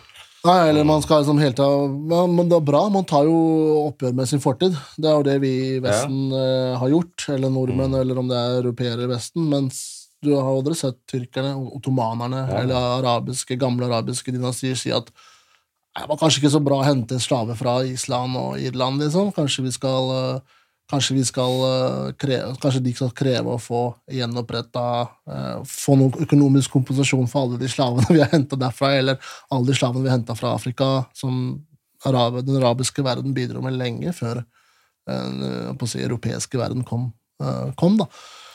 Men det, er- der fins ingen selvkritikk. Er, gjør du det, så er det jo bare egentlig blir du sett på som litt rart, antar jeg. Men Mm. eh, for jeg, jeg har ikke sett noen Det er vanskelig for å se det. Altså, For ydmykhet er ikke en verdi i seg selv. Liksom. det er en svakhet, da. Det er en svakhet. Er en svakhet. Ja, du- da blir det et problem. blir I Norge er ydmykhet en Det er en positiv sånn, verdi. det er også en positiv, det er også en norsk eh, ja, ja. verdi, da. Kan ja, man si. Mens der er det en svakhet. Så der er det kulturkrasj med en gang. kulturkrasj med en gang. Og det ser vi jo også Vi kan se det tidlig i barne, på barnehagen, barne, altså hvordan Jeg har fått høre en del observasjoner da, hvor her er det en del ting som er veldig rart, da, og som kommer til å bli et stort uh, problem seinere med den barnet. Det er ikke sånn at gutter alltid blir lært opp til at de er sjefen, liksom, de er kongen, de kan gjøre hva de vil. Ja. Mm. Det spiller ingen rolle om du har en eldre søster. Det er gutten som Gutten er er. Eller guttene. Gjerne gutten eller gutten. Som er uh, eh, ansiktet ute, da. Hva er, Altså, hva er grunnen til? Hvorfor blir de lært opp til det, tror du? Kanskje det som var normen i, i de kulturene der før. Det var jo det kanskje også nor norsk kultur også, for den saks skyld, men eh, på 1700- og 1800-tallet så fikk jo kvinnene mer likestilling, som 1905, stemmerett og jeg tror 1905, ja, stemmerett osv. så videre. Så kom alt dette på plass. Eh, Så jeg tror det, Men de sitter igjen litt lengre. ikke sant? Litt sånn, de har ikke så Mange av de landene derfra har jo ikke så stor eh, Har ikke noe si, Har ikke noe de kommer fra land som ikke har noe nasjons... altså De har ikke hatt noen lang nasjonsbygging. De, noen av de blitt, var koloniland eh, før, eller, eller noen av de var ikke det heller, men de hadde bare ikke den kulturen. Eh, eller hadde ikke. Det er den der tilliten til samfunnet. Det, det var det jeg skulle si. Sorry, den glemte jeg. Tilliten, nå kom jeg. Tilliten mellom politikere og, og, og dets innbyggere, det er et sinnssykt norsk eller skandinavisk Du, du finner ingen altså i Frankrike, Vestland, der har du bare sånn 40, par og 40 prosent, kanskje ikke det engang. Altså, de har kjempelav tillit til uh, politikerne her. Mens går du bare litt lenger opp i Nord-Europa, så har du motsatt, nesten. altså. Ja, Vi er et tillitssamfunn. Tillitssamfunn. Det er det vi er, og det er noe vi skal hegne om, men uh, vi ser jo det også er en på vei ned, da. Fordi uh, du har jo politikere som skal kjøpe seg eller stjele litt, Ja, ja. eh, Det er farlig, stjele litt eh, solbriller vet. og litt sånn forskjellige ting, da, og bo litt sånn på gutterommet. Ja, på gutterommet litt, eh, altså, sant? Men man tror at det her skjer jo ikke i Norge. Så tenker man at det her er jo akkurat det balkanske politikere kunne finne på. Liksom. Ja, Men, men så skjer det faktisk i Norge. For det er så vanskelig for oss å tro at fatte at herregud, driver vi, driver norske politikere som skal tilsynelatende være anstendige og ha moral og etikk og Ja, de har tydeligvis gjort det, da. De har tydeligvis gitt beng. Og det har tydeligvis vært en ukultur lenge. Det er bare først nå de har tatt tak i det, disse journalistene. Det har jo vært, det, De har jo visst om det sikkert i Gjerne altså, har, har, har du sett en serie Makta, eller ser du på Makta? Nei, er det, hvor er det går? Den på NRK. Du må sjekke den. Da får du se Arbeiderpartiet, hvordan de Mm. holder på. Er basert på løgn, rykter og, san og delvis sannheter. Så. Ja, det der er om Gro Harlem Brundtland. Ja, Gro Harlem Brundtland og hvordan hun kom på makta, og Oddvar Nordli. Og, ja, nå er det vel ferdig den, den sesongen her, og så kommer det neste sesong til våren. Da. Eh, Men det er en utrolig spennende serie. Jeg tenker Tillitssamfunnet er avhengig eller tillitssamfunnet er på en måte et produkt av en rettsstat, hvor, hvor innbyggerne har tillit til at hvis det skjer noe ulovlig, så blir det tatt tak i, sånn at jeg slipper å Jeg behøver ikke ta blodhevn, jeg behøver ikke å rydde opp i det selv. Jeg behøver ikke å rettsstat. Ja, ja, fordi jeg vet at det er et politi der, jeg vet at det ikke er korrupsjon, jeg vet at myndighetene gjør det de skal for å ordne opp. sånn at jeg, jeg behøver ikke å være politi selv. Jeg, det er et politi som ordner. Og Hvis du har et samfunn hvor det ikke er det, hvor du vet at politiet bare blir kjøpt og betalt, hvor politikerne er korrupte, hvor, hvor familien så får du æresbegrepet inn der i tillegg, hvor du må opprettholde familiens ære. hvis noen gjør noe ære, så det ikke sant? klan, mm. religiøse bakgrunn. Ja, Det er jo det det er jo det som er problemet når man skjærte opp eh, Afrika, da, eller de liksom delte opp landene seg mellom. da, At uh, man gjorde det uten å ta hensyn til de kulturelle aspektene. Da. Og da, da får du jo litt sånn land som kanskje ikke burde vært land, eller som kanskje burde vært til altså, Det er eh, hvor etniske befolkningsgrupper som plutselig er blitt land, de har eh, demokrati, da, og da vil jo den ene parten bestemme over den andre. Og Mm. da, da vil ikke de akkurat bli um, Du husker den Burundi, Rwanda, ikke sant? Ja, ja. Um, Det, gikk ganske, det gikk ikke så bra, da, kan vi si. Og da, det er demokrati, men igjen, det er den Det blir liksom I Norge så har vi parlamentari, parlamentari, mm. hvor alle blir hørt. Ja. Kanskje det er det de skulle hatt, ikke ha sånn reinspikka demokrati, for det, ja. Da vil den ene parten som er majoritet, utnytte eller Ja, ja. eh, undertrykke. Flertallets flertall. Ja, til flertallets. Så det er eh, sånne ting man også tenker I hvert fall jeg har tenkt meg, hvor kanskje de burde hatt litt eh, Litt mer som parlamentarisme for å, dele, for å fordele makten. Ja, representativ. For jeg tenker Tilbake til den lista vår, norske verdier, for da er vi oppe i eh, Vi er oppe i tillitssamfunn. eh, vi er oppe i, i, i likhetstanken med, med, eh, mellom kjønnene, på en måte, og eh, toleranse.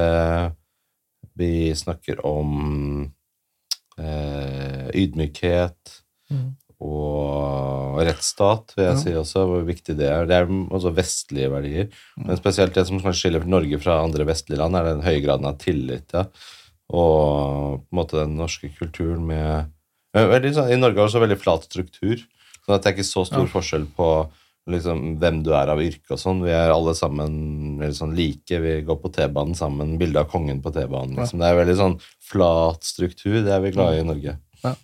Jeg tror du er inne på noe der, men ja, det der med flat struktur, jeg tror det er noe vi liker kanskje å innbille oss at Ja, vi har det. Jeg tror det var mer før, mens jeg Er føler at eh, Ja, jeg tror det er ganske altså, Det er ikke på nivå med altså, USA eller Russland og de Nei. der liksom, hvor du ikke får lov til å si noen mening, men uh, men, men det er på en måte Det er fortsatt hierarki der. da. Du, du, skal, du skal gå linja, det er jo det er greit nok, det. Jeg ser jo den. Du skal jo følge ikke sant? Eh, chain of command. Uh, men det er noe med at det er jo altså, det er en hierarki der da, som jeg tenker Vi er ikke så flat struktur som vi liker å tro. Det er for ikke, jeg, ikke min erfaring. Det er Godt mulig det er Eller mer i form av kanskje klassesamfunn. Da. At vi liker å si at nei, vi er på en måte, vi har ikke klassesamfunn, vi er ikke underklasse og overklasse, og sånn, men det er jo på en måte det allikevel. Ja. Eh, selv om vi ikke liker å tenke på oss selv på Ja. den måten. Mm. Ja, nei, vi eh, Ja, vi, eh, det blir jo litt mer klasse nå, med tanke på dagens økonomiske situasjon, hvor eh, Ja, vi har politikere som gjør litt dumme ting i forhold til strømkabler og sånn, Ja. men, eh, Ja, men eh, vi, skal, vi skal betale for det, vi. Mm.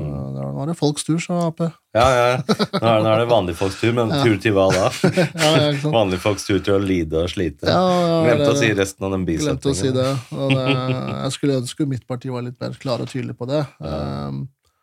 Men det er jo en del av det å være i regjering, da. Ja. Og finne kompromisser og litt sånne ting som ene, del, ene får litt uh, kommer litt bedre ut enn andre, kanskje. Ja. Uh, eller kanskje begge to kommer dårlig ut. Ja. Så det er Skal vi ta en liten pause? Fylle på litt eh, kaffe og sånn? Da ser du det.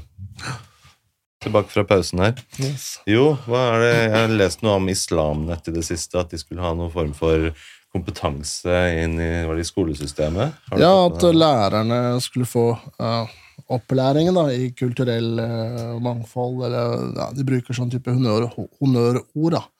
Det vil si hvordan imøtekomme elever som ikke nekter å, altså ikke har lyst til å håndhilse. da.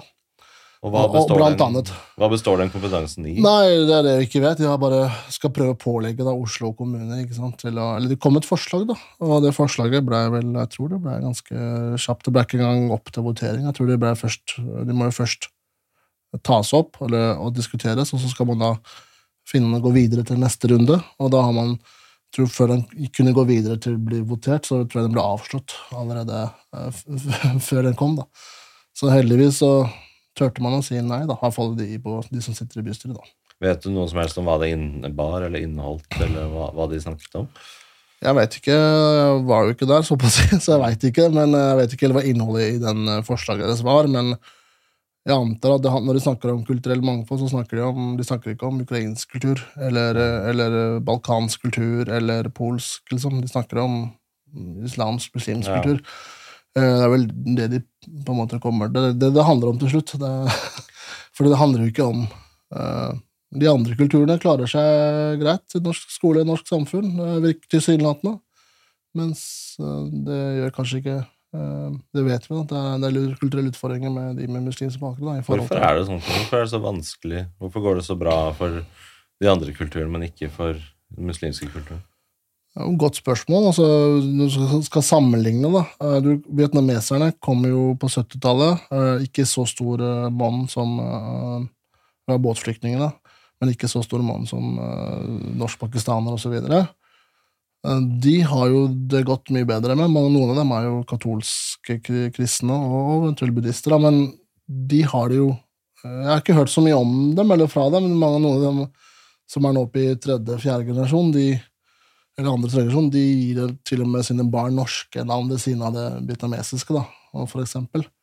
Men, men også gifter de seg på tvers, enten med norske eller internt, eller med at på en måte de er mer opptatt av kulturen, da, ikke det religiøse aspektet. Det, ja, de har vietnamesiske skoler, de har altså, altså Tamilene også, de også klarer seg veldig godt. De også har tamilske skolen osv., men vi hadde en forskning som viste, som Fafo gjorde, Jon Horgen Friberg og en annen til kollegaen som jeg ikke husker navnet hennes på, de fant fram dette hvor de, de diskuterte eller hvor de satte opp tre grupper mot hverandre. Uh, Norsk-somaliere, norsk-pakistanere og norsk-tamiler. De fant en, en, veldig stor forskjell på hvorfor uh, på, på, på, på, hva som ble undervist på de der uh, skolene. Da. De hadde uh, Tamilene hadde, over, hadde veldig fokus på det faglige og det språklige, det kulturelle. Altså faglig på skolen osv. Mens de to andre hadde mer, mer fokus på det religiøse aspektet. Og der har vi altså tre likestilte grupper, og, den ene eh, kom jo litt seinere, kom på 80-90-tallet. Men de også klarer seg kjempebra. De gjør det til og med bedre enn norske dagens, eh, dagens eh, tamilske, norsk-tamilske elever. De gjør det bedre, scorer høyere enn norske etniske. Så er så, så, man må jo stille seg spørsmål, da. Og ubehagelige spørsmål sikkert for uh, venstresiden. um, men det er iallfall de spørsmål som jeg har tenkt masse på. Da. Hvorfor klarer en gruppe seg, og, eller en religiøs retning seg, mens de andre ikke altså har hun utfordringer, da, og, og, så ser du også i samfunnet. Uh, jeg har aldri hørt at tamilerne har bedt om andaktrom eller, eller få noe rom, eller de, noen av dem er jo katolikker osv. Jeg har ikke hørt. Jeg vet ikke, Har du hørt? Nei, Nei. Jeg har ikke hørt det i min eh, oppvekst. Og... Fordi det er hinduister, typisk? Det, hinduister, de, de, har ikke, ja, de har heller ikke bedt om noe Eller indiere, bedt om templer, eller at de skal ta ekstra høyde for når det er eh, ramadan. Altså En eller annen høytid så skal du ta ekstra høyde for det, og så må vi være litt var, kulturelt var på det, og så må vi Ja, han er sikkert sliten eller trøtt, eller, og så må vi liksom ikke sant, ha litt større toleranse, vi må forstå. Mens vedkommende trenger ikke å forstå tilbake. ikke sant? Det er riktig. Hva kan du si er største forskjellen på religion, hinduisme og islam? da? Hvis man skulle dratt noen sånne store linjer, Er det at det ikke er forbundet med noe æreskultur? Eller har de også en æreskultur? Jo, de har, jeg tror de har noe Jeg, jeg kan ikke så mye om det, men de, det de har, er jo kastesystemet. Og det har begge ja, to. Det er sant. De har begge, mm. begge både pakistansk og indisk. Ja. Uh, fordi det, de, de, var jo før et felles folk, kan man tilsynelatende mm. si. Nå vil det sikkert mange andre som hører på det, som kanskje ikke mener at det ikke stemmer i det hele. Men uh, ja, når islam kom, så ble noen muslimer, og noen forblei hinduister. Liksom. Okay. Og, og, og, men denne kastesystemet, den er ganske lite Den er ikke så veldig eh, Den er ikke bra for noen, tenker mm. jeg. For det, det rangerer folk inn etter hierarki. Praktiseres det i Norge, de tamilene som er her? Nei, tamilene tror jeg ikke praktiserer så mye, ikke som jeg vet om, i hvert fall, men jeg tror, jeg veit ikke åssen det gjøres blant de. Det indiske miljøet kjenner jeg svært lite til. Ja. Det nærmeste jeg kommer det pakistanske miljøet, er Abid Raja og kona hans, ja. hvor de tilhørte forskjellige kaster. Så han, i sin første bok, trua jo familien sin med å gifte seg med en norsk kvinne, hvis han ikke fikk lov til å gifte seg med hun som også pakistansk bakgrunn og samme tro og så videre, samme retning og så videre. Men det var fordi de tilhørte en annen klasse, eller begge hadde en annen klasse. da. Så da, Han fikk jo det gjennom til slutt, men det var jo det er ganske rasistisk. Altså, tenk på hvis jeg, hvis, jeg, ikke får lov til å gifte meg, så skal jeg gifte meg med norsken. Altså, det, hvis ja. norsk hadde sagt det samme altså, Det er jo rasisme med en gang. Altså, det jo, men det var ingen som stussa over det da når han skrev den boka der. Så jeg tenker sånn Ja, ja, ok, det, man, man lot det liksom Det er så enveis, liksom? Ja, og så, å si sånne ting uten å bli tatt for det, på en måte. Ja. Eller tatt for det, i hvert fall ut, uh, utfordra med det i offentligheten. Og si du, er, ikke det, er det greit å si, på en ja. måte? Eller hva tenker du, liksom? Ja. Da, da, kan jo han si nei. Altså Det som er bra med Abid Raja, han har jo gått en vei. Han har en sånn han har heldigvis gått en riktig vei fra å være uh, veldig konservativ, havne nesten på skråplanet, til å faktisk bli veldig liberal og, og, og på en måte vel, altså en, en del av fellessamfunnet. Mm. Så det, det, tenker jeg, Eller fellesskapet. Det tenker jeg er en, er en fin vei han har gått. da. Og det, All ære til han. Han har stått, stått i mye. Du, du kan sikkert Mm. Ja, ja. eh, lest disse bøkene hans, og han har stått i mye, mye greier. Men eh, altså, den konkrete der håndhilse Hvor viktig er det med håndhilsing i Norge og norsk kultur, og at også muslimske ungdommer håndhilser på voksne? Altså Det er så Altså Da jeg var yngre og hadde besøk av familievenner, det var jo forventa at jeg skulle stå, eller familiens venner, da, jeg skulle stå når de kom inn på døra den lørdagen der, eller fredagen på kvelden, håndhilse. Og Mann, kvinne, altså spiller jo ingen rolle. Hadde jeg ikke gjort det, så hadde jeg blitt sett på som en drittunge. ikke sant? Altså, hadde fått høre det fra foreldrene mine etterpå. Altså, hallo, det her skjer ikke, liksom. Hva, hva, er- hva er problemet ditt? Folkeskikk? liksom? Folke, ja, der har du det. Folkeslikk. Det er det det handler om. Og jeg tror de fleste eh, med muslim, muslimsk bakgrunn praktiserer dette. Så har de kanskje disse guttene mest sannsynligvis havna i et eller annet eh, miljø tenker jeg, som er eh, uheldig, da, som snakker mot fellesskapet. og og på en måte tenkte at det, det, jeg blir kanskje mer religiøs, ikke sant? Og igjen, religiøs, du kan være så mye religiøs du vil, men du må skjønne at i offentligheten så er det en del felles regler som du ikke budger på, da. Som du ikke er til forhandling. Vi skal ikke forhandle det her. Det her er noe så At vi må diskutere i 2023 eh, håndhilsing det, Skolene har så mye andre utfordringer, og det er det som på en måte er eh, på tapeten. Det tenker jeg, fytti katta, da, hva er det vi driver med i forhold til Og det gjaldt jo ikke bare håndhilsing i seg selv, det var jo at håndhilsing på en kvinne.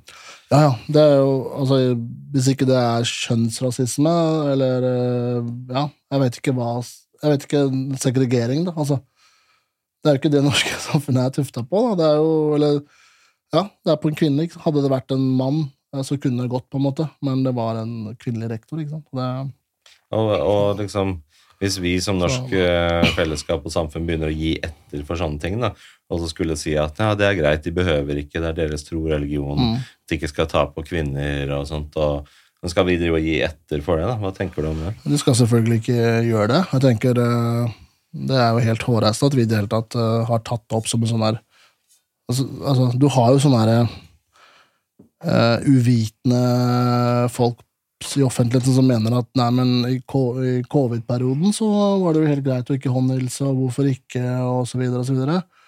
Men du skjønner ikke altså, Det er ikke det det handler om. Det handler jo ikke om Hvis det var en sykdom der, selvfølgelig altså, ah, Pandemi, liksom. Det er ikke det det handler om.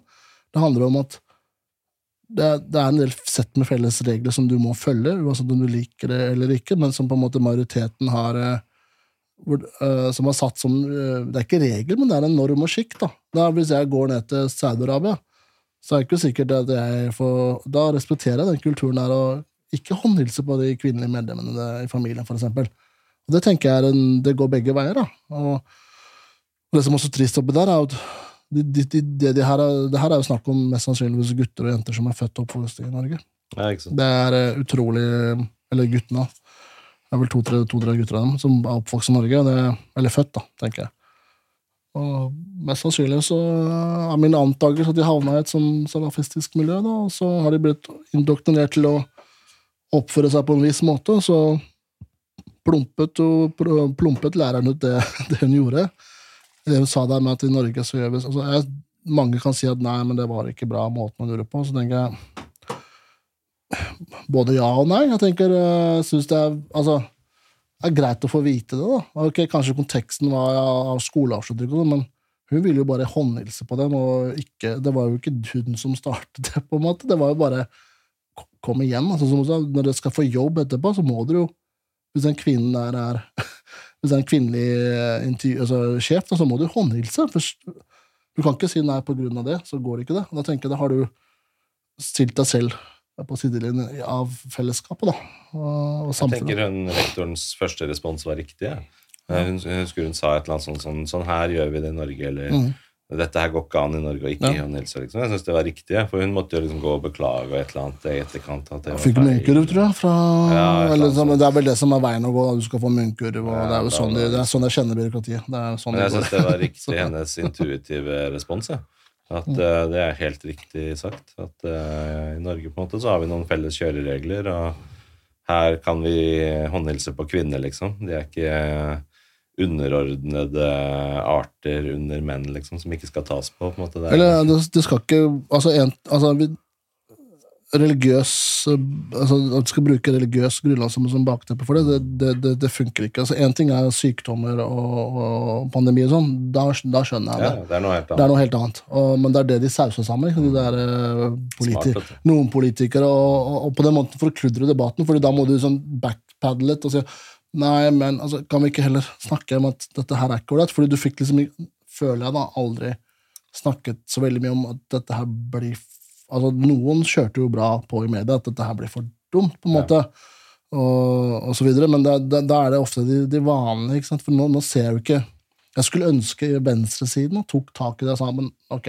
nå De såkalt riktige altså, De gjør ikke det. ikke sant? Det er plutselig så alt er blitt motsatt. Høyresiden er den som på en måte plutselig tar er plutselig for uh, likestilling og for, for alle disse tinga. Og da Ja, tenker jeg sånn det var jo ikke sånn før. Ja, liksom. ja konservative, men det Mm. var jo ikke sånn før. Det var jo motsatt. Men nå- og nå er det plutselig der, er det de som skal liksom være fanebærere for likestilling. Um, det er på en måte verdiene som er verdt å konservere ikke sant? Ja. I møte med dette nye. bare, okay, Hva er det vi tar vare på da i Norge? som Vi har jo likestilling, ytringsfrihet, frihet, eh, at vi er like mye verdt og sånn og sånn. Mm. Og så, så blir det jo liksom verdikonservatisme å ta vare på noe før bare alt blir visket ut, liksom. Ja, nei, det er eh, Jeg syns det var Jeg tenker det var tøft gjort av det hun sto i, da. Hun skapte jo På sikt så kan du tenke også at hun skapte en nødvendig debatt som måtte komme. Det her hadde kommet før eller senere, for dette her er noe jeg har opplevd selv på, på skolene. Ja. Eh, men eh, mest via foreldrene, ikke så veldig mye ved barna. Jeg tror ikke jeg har opplevd det ved ungdommene eller barna. Det har vært ved Eller jo, vært, eh, det har vært noen tilfeller, vært et tilfelle hvor de Ja, det har vært ett eller to tilfeller, men det har vært mest foreldre, kvinner, da. Muslimske kvinner, som på foreldremøte tar deg på hjertet, da, i stedet Mm. å Ja, ja. Så det, det har jo skjedd, da. Og da da, blir jo noen av de lærerne satt ut, da, og tenker eh, hva, eller, eller mannen ikke har lyst til å håndhilse på den norske læreren, ikke kontaktlæreren til eh, gutten eller jenta, fordi du er jo eh, motsatt kjønn, og du er ikke, ikke sant, familie, du er, ikke, du er vantro, og da blir det Eller ikke troende, og da blir det Oppstår det sånn, tenker jeg, uheldige problemer, men eh, det det handler om der og da, er jo først og fremst eh, barnets ve og vel og skoleprestasjoner. Ja. Så må man noen ganger tenke seg at svelge det, Ja. svelge kamelen, men det blir sånn ja, hun, er, hun tok opp et annet tema, og det ble heldigvis debatt. da. Så hun, eh, hun har i hvert fall gjort noe godt, tenker jeg. fordi dette, som jeg sa, sa til på, på det møtet med utviklingsetaten, at dette her blir det mer av. Og hvis ikke dere der oppe eh, lager en føring på noe så banalt som dette her, så tror jeg det blir mer og mer Dere setter disse lærerne, skolene, rådgiverne, alle de i et skvis. Og løsningen er ikke å innføre mangfoldskompetanse, fordi det er det, det vi gjør, er å legge, legge til rette for religiøs segre, segre, altså, segregering basert på religion. Og det er jo absolutt noe vi ikke vil. Ja, for Mangfoldskompetanse blir bare sånn der kamuflert ord for mangfoldsaksept. Som Ja. i at dette her må vi akseptere fordi dette er deres kultur, og så har vi vår kultur. Men det det ender bare opp med, at det blir bare man spiser opp all norsk kultur, og det ikke er noe igjen. Mm. Til at det bare blir de sterkestes rett, på en måte. At det er de, som er tydeligst på hva de vil, det er det som får det. på en måte. Mm. Um, jeg har lyst til å ta opp et annet tema også. I det Mm. siste nå så har det jo skjedd mye greier med Israel-Palestina. Bør ikke gå inn i hele den debatten, for det er liksom 15 timers samtale bare der. Men i, i kjølvannet av det så har vi sett mye tendenser til antisemittisme. Og da tenkte jeg å høre liksom, Hva tenker du rundt islam og antisemittisme? Hvor mye hører de to sammen? Står det mye om det i Koranen? og sånt? Hvor mye er det en del av muslimsk kultur? Vet du mye om det?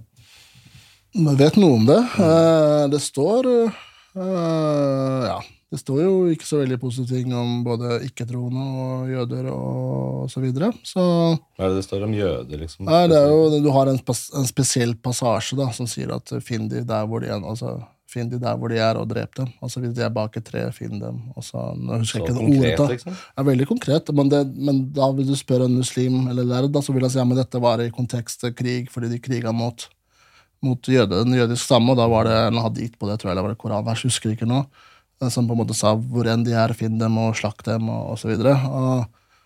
Da, da kan du gjemme seg bak kontekst, eh, kontekstgreiene, men det er mange som bruker det en dag i dag, ikke sant?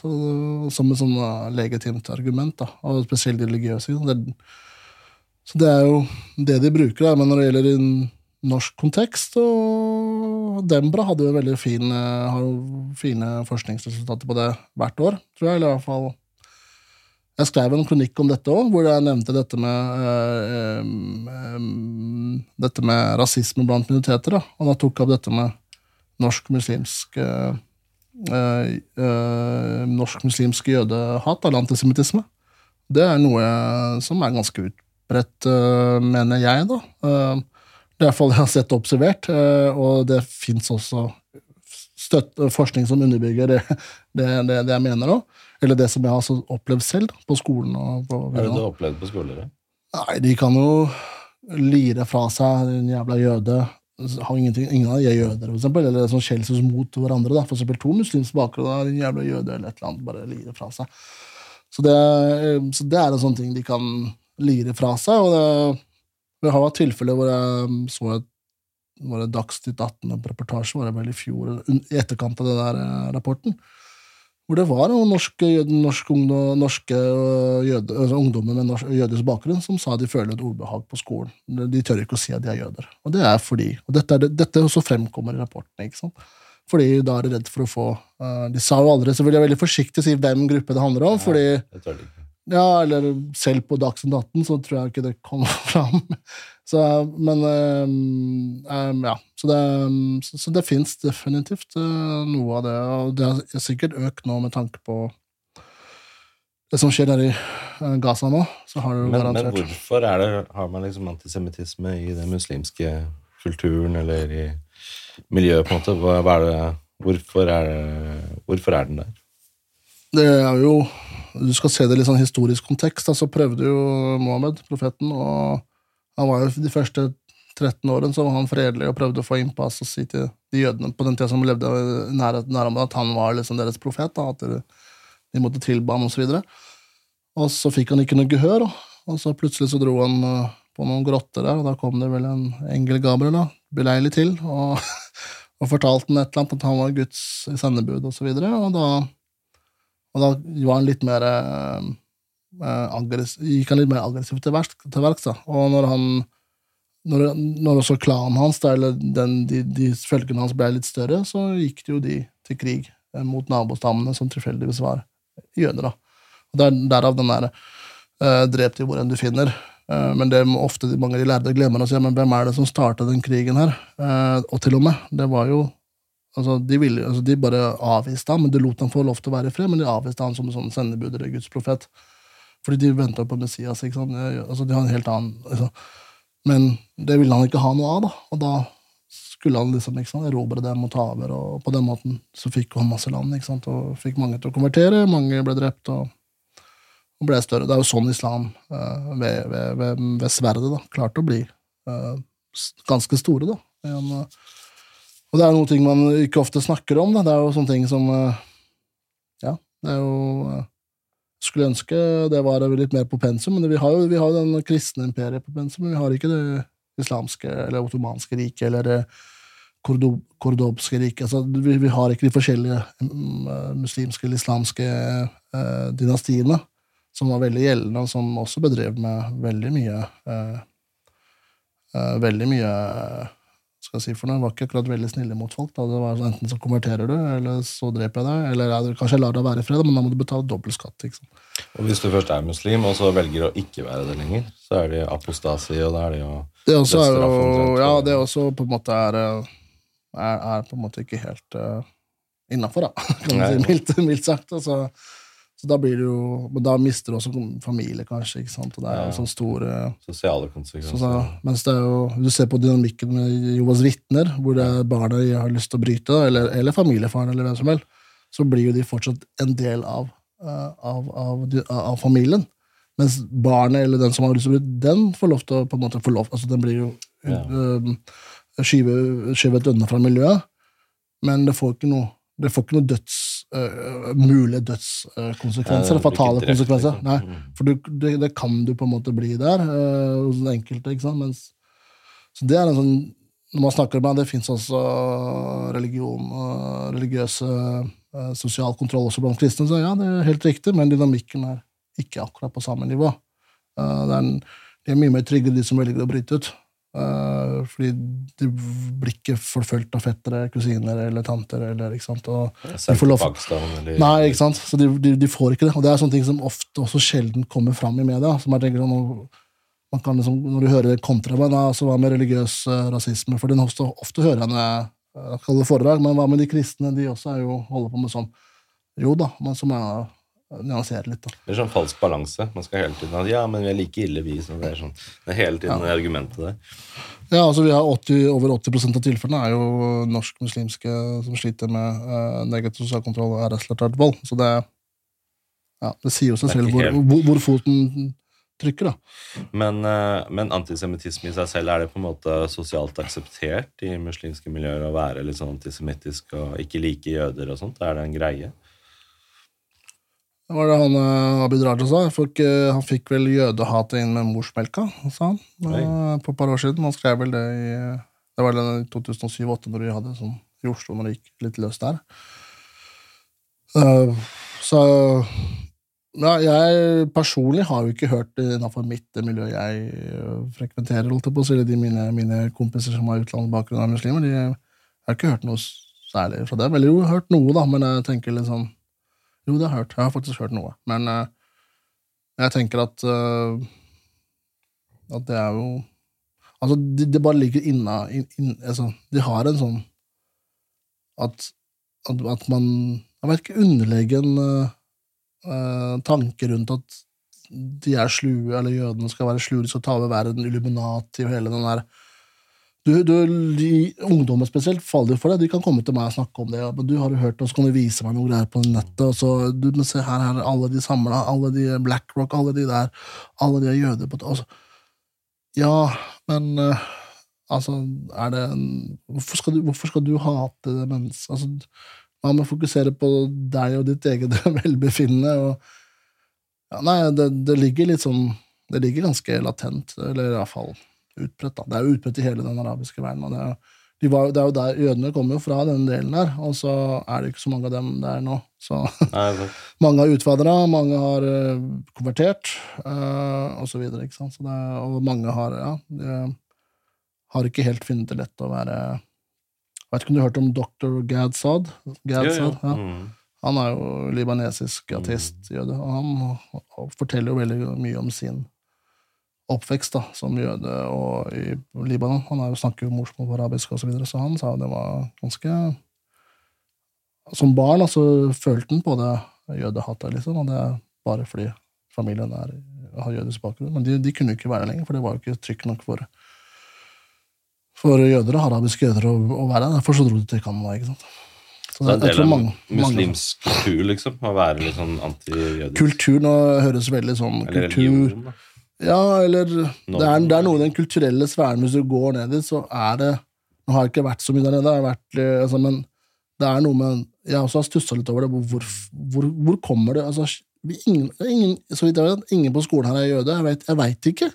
Jeg vet ikke hvem som er jøde og ikke jøde, men hvor kommer det her fra? Men de jødene, de er sånn, de er Hæ? Altså, nei, ok, fortell meg litt. Jeg er nysgjerrig, jeg pleier å utfordre meg, Okay, men hvorfor sier du det, hvorfor mener du det? Og så lar de få lov til å ut, utbrodere litt, da. Før jeg på en måte tenker at prøver å stille dem noen reflekterende spørsmål tilbake, om at er du sikker på at det der er helt henger på greip? Hva Eh, svarer de da? Klarer de å liksom gå i seg selv og si det? Hva svarer de, liksom? Ja, men det står jo der. Altså, det, så, så du ikke videoen? Jeg viste en sånn snutt på tre-fire minutter. Liksom. Men så du ikke det? Jeg bare, jo, men altså, Man kan klippe og lime og ordne og styre liksom, så mye man vil. Og det, men kjenner, altså, jeg spør ofte kjenner du noen jøder, eller? Altså, har du opplevd at de har hatt makt over deg? Liksom? Altså, jeg skjønner ikke. Altså, nei, altså, da sier de alltid nei, jeg skjønner ingen jøder. Fordi du har også norske jøder som sier ikke at de er jøder på skolen. Sant? De tør ikke å si det, på, i hvert fall i Oslo-skolen. Hva er det de er redde for da? Har du fått noe inntrykk av det? Jeg er redde for å bli hetsa. Jeg er redd for å få ja, det der ja, skjellsord. Jævla jøde. Det der er jøden, liksom. Og, ja, det er vel det de er redd for. Og det, det er fall det som kommer fram i den rapporten på Dembra, da, med antisemittisme. Og det, Det er også noe blant norsk etnisk men den er langt mindre grad enn sammenlignet med norsk muslimsk. da. Det er mer sånn i nynazistiske miljøer og um, Ja, der er det en del sånn, Ja. ikke sant? men det, det er så fringe Ja, eh, sammenlignet med den norsk-muslimske, hvor det er, en, du kan, det, er som sammenligne, det er som dag og natt, på en måte. Det er så mye mer utbredt her, versus Mer sånn vanlig, lille. nesten. Ja, altså, ja, ja, ja, ja, du, du kan sikkert si det. Altså, jeg, ja, jeg er tilbøyelig til å si at jeg er litt enig med deg i det. At det kanskje er en, er en del av den kulturelle sfæren at ja, jøder er dritt, og, det, og så går vi videre. Så, Ja, for det er føler litt sånn ut fra det du eller, de, sier eller de har makta, da, eller de Ja, ja. At det er bare et sånt bilde man har. Ja. At det er nesten sånn, så Ut fra det du sier, så får jeg inntrykk av at det er liksom ikke en sånn at man aktivt går inn for og liksom jobber hardt for å være antisemittisk, men at det er mer en sånn, bare en sånn del av implisitt i kulturen. At man, ja, de menneskene er bra, jøder dritt og. Var- Så har man sånn, sånn Ja, men Det er jo det Abid Raja prøvde å si. da Altså Ja. Morsmelka, det bare var der. liksom Det bare Ja, ja, du, du må aldri slå på jødene, gutten min. Altså, og så går det videre, Altså, så, og så er det skjer et eller annet i Palestina, de jævla jødene. ikke sant Og Nå er de i gang igjen, og så Og så går det. Man bare blir lært opp til det. Ja, på en måte. Det bare er en sånn Forbered deg på verden, liksom. Ja, på en måte. Litt sånn. Og det er jo litt trist at man har sånn type dehumaniserende syn på andre, da. Og det er ikke så veldig mangfold. Nei. Eh, Vi må innom gjengkriminalitet også, før Ja. uh, du skal dra videre. Ja. Um, hva tenker du om uh, den økende volden på skoler også i Norge? Jeg husker jeg så på jeg tror det var Fredrik Solvang-debatten, snakka de om at det er dessverre mer og mer vold blant 14-åringer i Norge. Ja, at det 14-17-åringer. ja, 14-17 en økende i den gruppen der. sånn. Uh, hva tenker du om det, og hvorfor det, og alt sånt? Mm, det, er, um, det er jo den ene er den der kriteriet med at de er under lavalderen. ikke sant? Det er, så 14 og 17, det er jo en, 15 også er en sånn viktig alder, men spesielt den under 18 er veldig viktig. ikke sant? Så det er, de er blitt smartere, de som er på toppen uh, der borte, til å bruke dem som løpegutter og, og litt sånne ting. tenker jeg. Det er én ett aspekt. Eh, en annen ting er at disse gruppene er ofte inndelt etter grupperinger. da. Nå har dessverre ikke Fox-gruppa som er kurdere, og så har du en annen gruppe som tilhører en annen gruppe, eh, en annen etnisk gruppe, og så har du liksom, de kjemper om territorium og, og eh, narkotikahandelen. da. Så jeg tror det er en sånn eh, Det er jo rett og slett eh, tilbake til første, at det er, en fin måte for dem å ikke bli tatt. da. Det er derfor jeg tror kriminaliteten har også økt litt eh, veldig, altså, og dopsalget da, og, altså, har økt veldig blant 14- og 17-åringer. Så har jo de og så har jo den derre hva er det, men, men eh, de som sier at kriminaliteten har jo gått ned i Norge, sånn generelt. Og mange som tenker at det går jo bra, hvorfor snakker du om det? Det er jo veldig eh, fordomsfullt å hele tiden snakke om det. Og da tenker jeg, men da har ikke du lært av basic statistikk. Altså, selv om det går bra, så, må du, så er det en del grupper som skiller seg, da. Det tenker jeg er en sånn fin eh, måte som jeg ser noen på ytre venstre eh, diskutere. Ja, men det går jo bra, se på avisstatistikker. Å, se her, det går bra, det har gått nedgang. Ja, men, ja, men du må se på grupper. Når du blir delt opp, så ser du For noen så går det ikke så bra. Og det er det vi må snakke om. Men det, det går liksom hus forbi, da. Og de, de, de ser jo bare på én faktor. Det er den gode, gamle sosio sosioøkonomiske forskjeller. Trangboddhet. Trangboddhet. Um, Bor du trang, så er du tilbøyelig for å finne på noe dumt. Studenter på høyskolen blir også veldig trangt på Grünerløkka. Jeg Ja, ser ikke at de er ute ja, og selger er dop godt, og, uh, med macheter og sånn for det. Nei, men der, der, der, der har du du kan, Vi kan le av det, og, men der satt du det på spissen, og det handler om det kulturelle aspektet som ofte blir borte, selv om de sier sosio. Altså, ja, men de, de hopper over og tenker bare på de økonomiske forskjellene, og så dropper de alt det andre etterpå. Og, som har med, også med, med, med dette. Så du må huske at kultur, altså eh, de som skal bærere av kultur, de, de, de er jo formet via en religion og kultur og avgjørelser du får hjemmefra. Altså hvis du har lært Ikke lært, men hvis du får I noen kulturer så er det bra å vise styrke. Du må slå, du må ta tilbake, du må ikke sant, og så videre. Og dette tar du med deg videre. Det er jo forskjeller. Det er kulturforskjeller.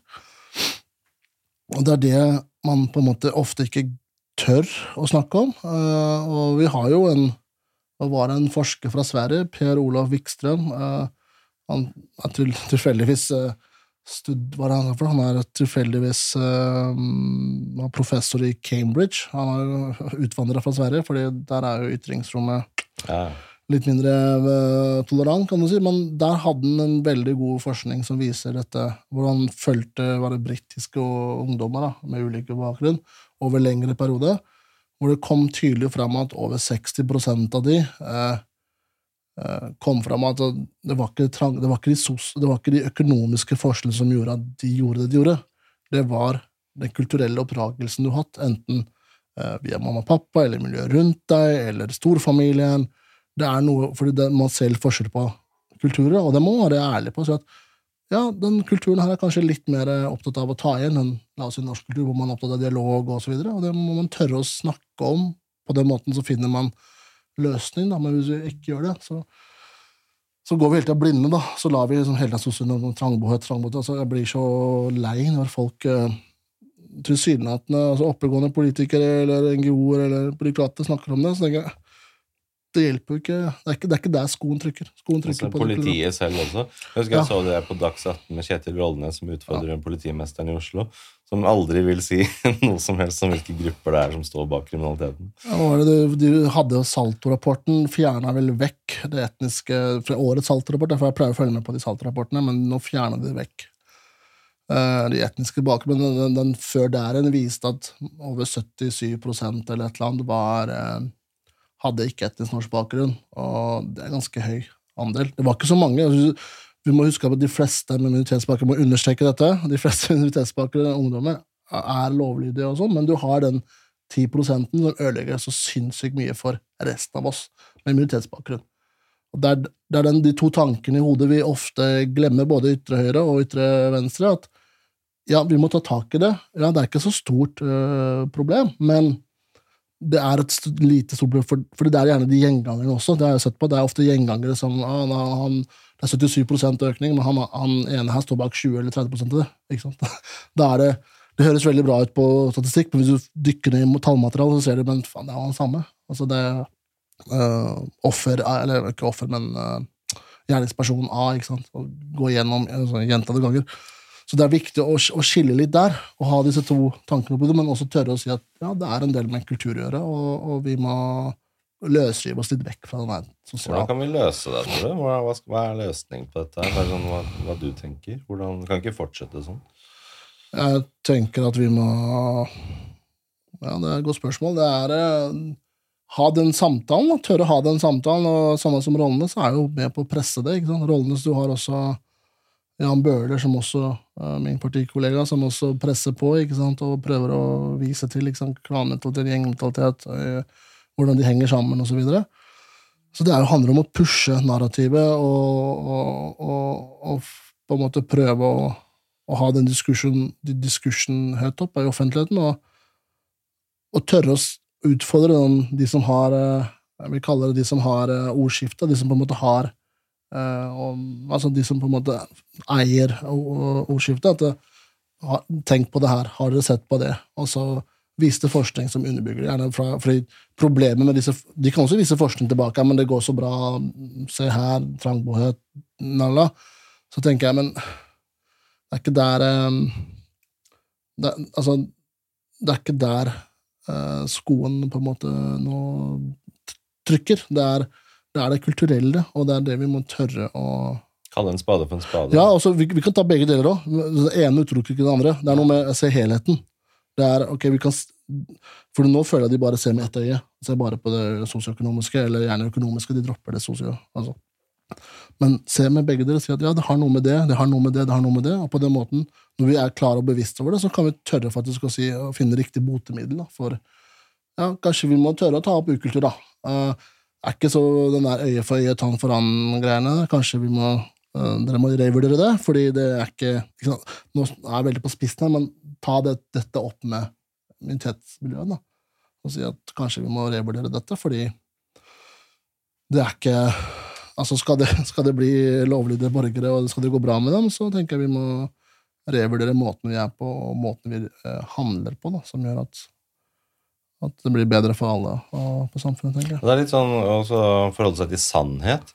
Og la oss si bare hypotetisk, hvis det skulle skje noe vold mot jøder eller sånn i Oslo eller på Oslo-skoler nå, så må man kunne snakke om f.eks. dette her med at ja, ja, muslimer vokser ofte opp med at eh, de får høre fra foreldrene at jøder er noe dritt. Liksom. Det er en del av det de hører. Og ikke bare da skylde på nei, du vet, de har bodd veldig trangt hele livet, så derfor angriper de jøder. på en måte. Det er ikke en, er ikke en årsakssammenheng med trangboddhet og jødehets, liksom.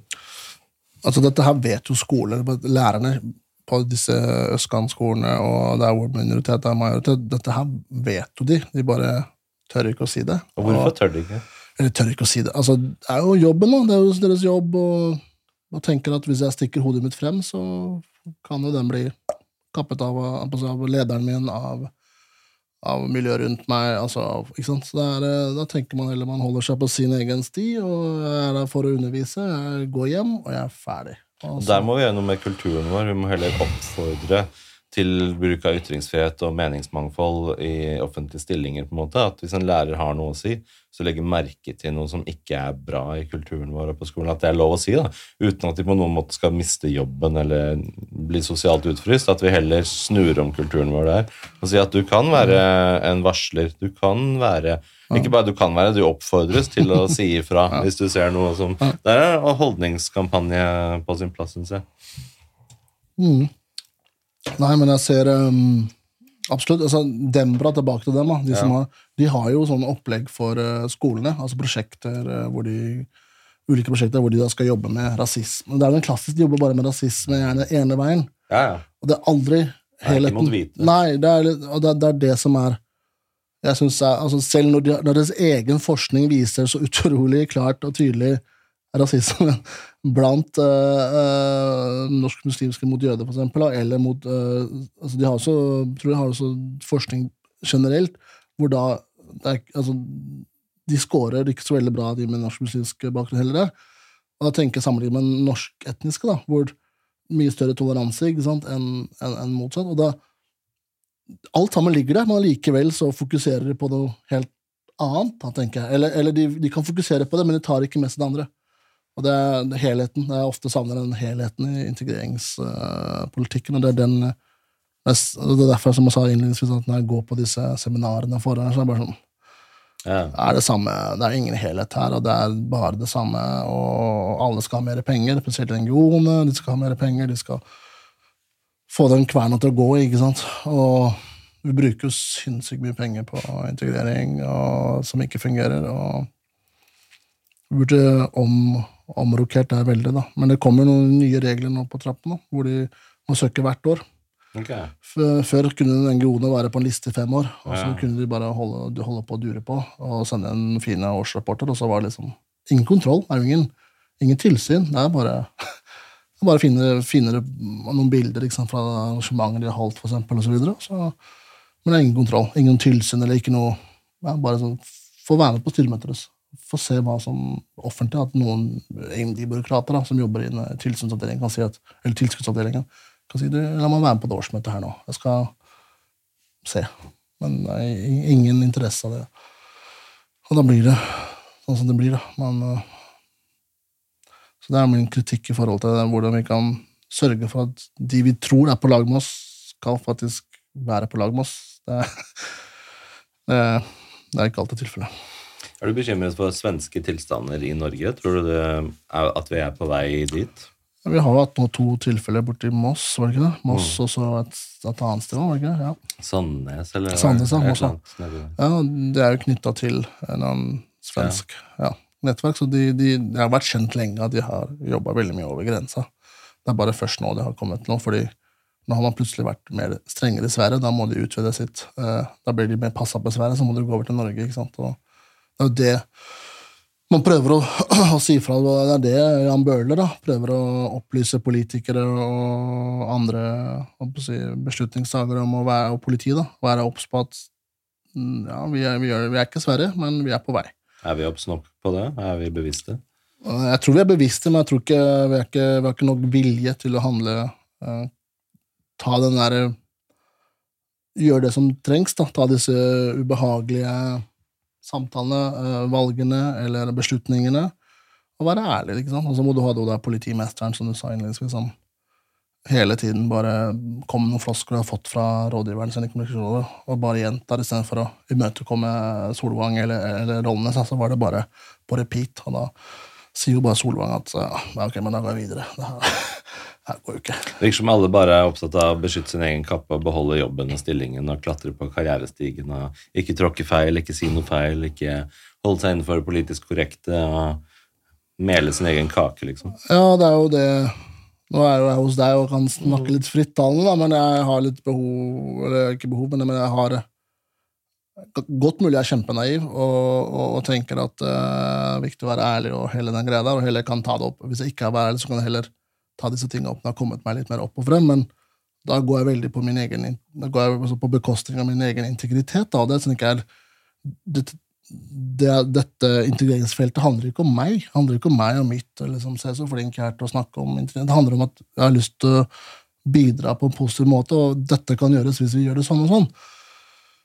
Og, og ja, da er jeg litt sånn, kanskje litt naiv og, og litt sånn altruistisk og, og sånn godtroende, men jeg tenker at jeg har ikke lyst til å gå på akkord med mine egne overbevisninger. Og hvis uh, det ikke medfører noe Hvis jeg får en munnkurv etterpå, eller jeg vet ikke hva, så får det bare være. Men da har jeg i hvert fall uh, Da er du velkommen hit igjen til å snakke om den munnkurven du fikk. Ja, ikke sant? Eller hvem som ga den.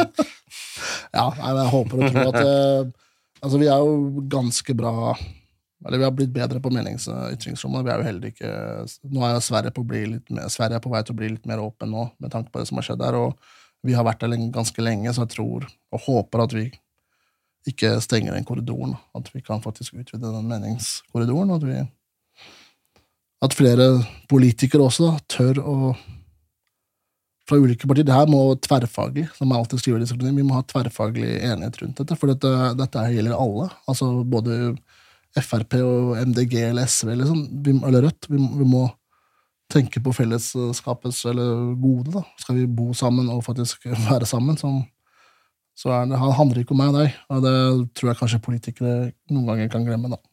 Hvilke beslutninger tror du vi må ta sånn, du var inne på, vi må ta noen harde beslutninger for å unngå å ende opp som Sverige? Hva tror du vi må gjøre? Hvilke avgjørelser må vi ta for å unngå å ende der? Det er, eh, det er jo den, den klassiske Ola Svenneby hadde jo en liten uh, greie før sommeren. Um, eller greie Hadde en uttalelse med det hvor han mente at vi må kutte ned på innvandringen. da.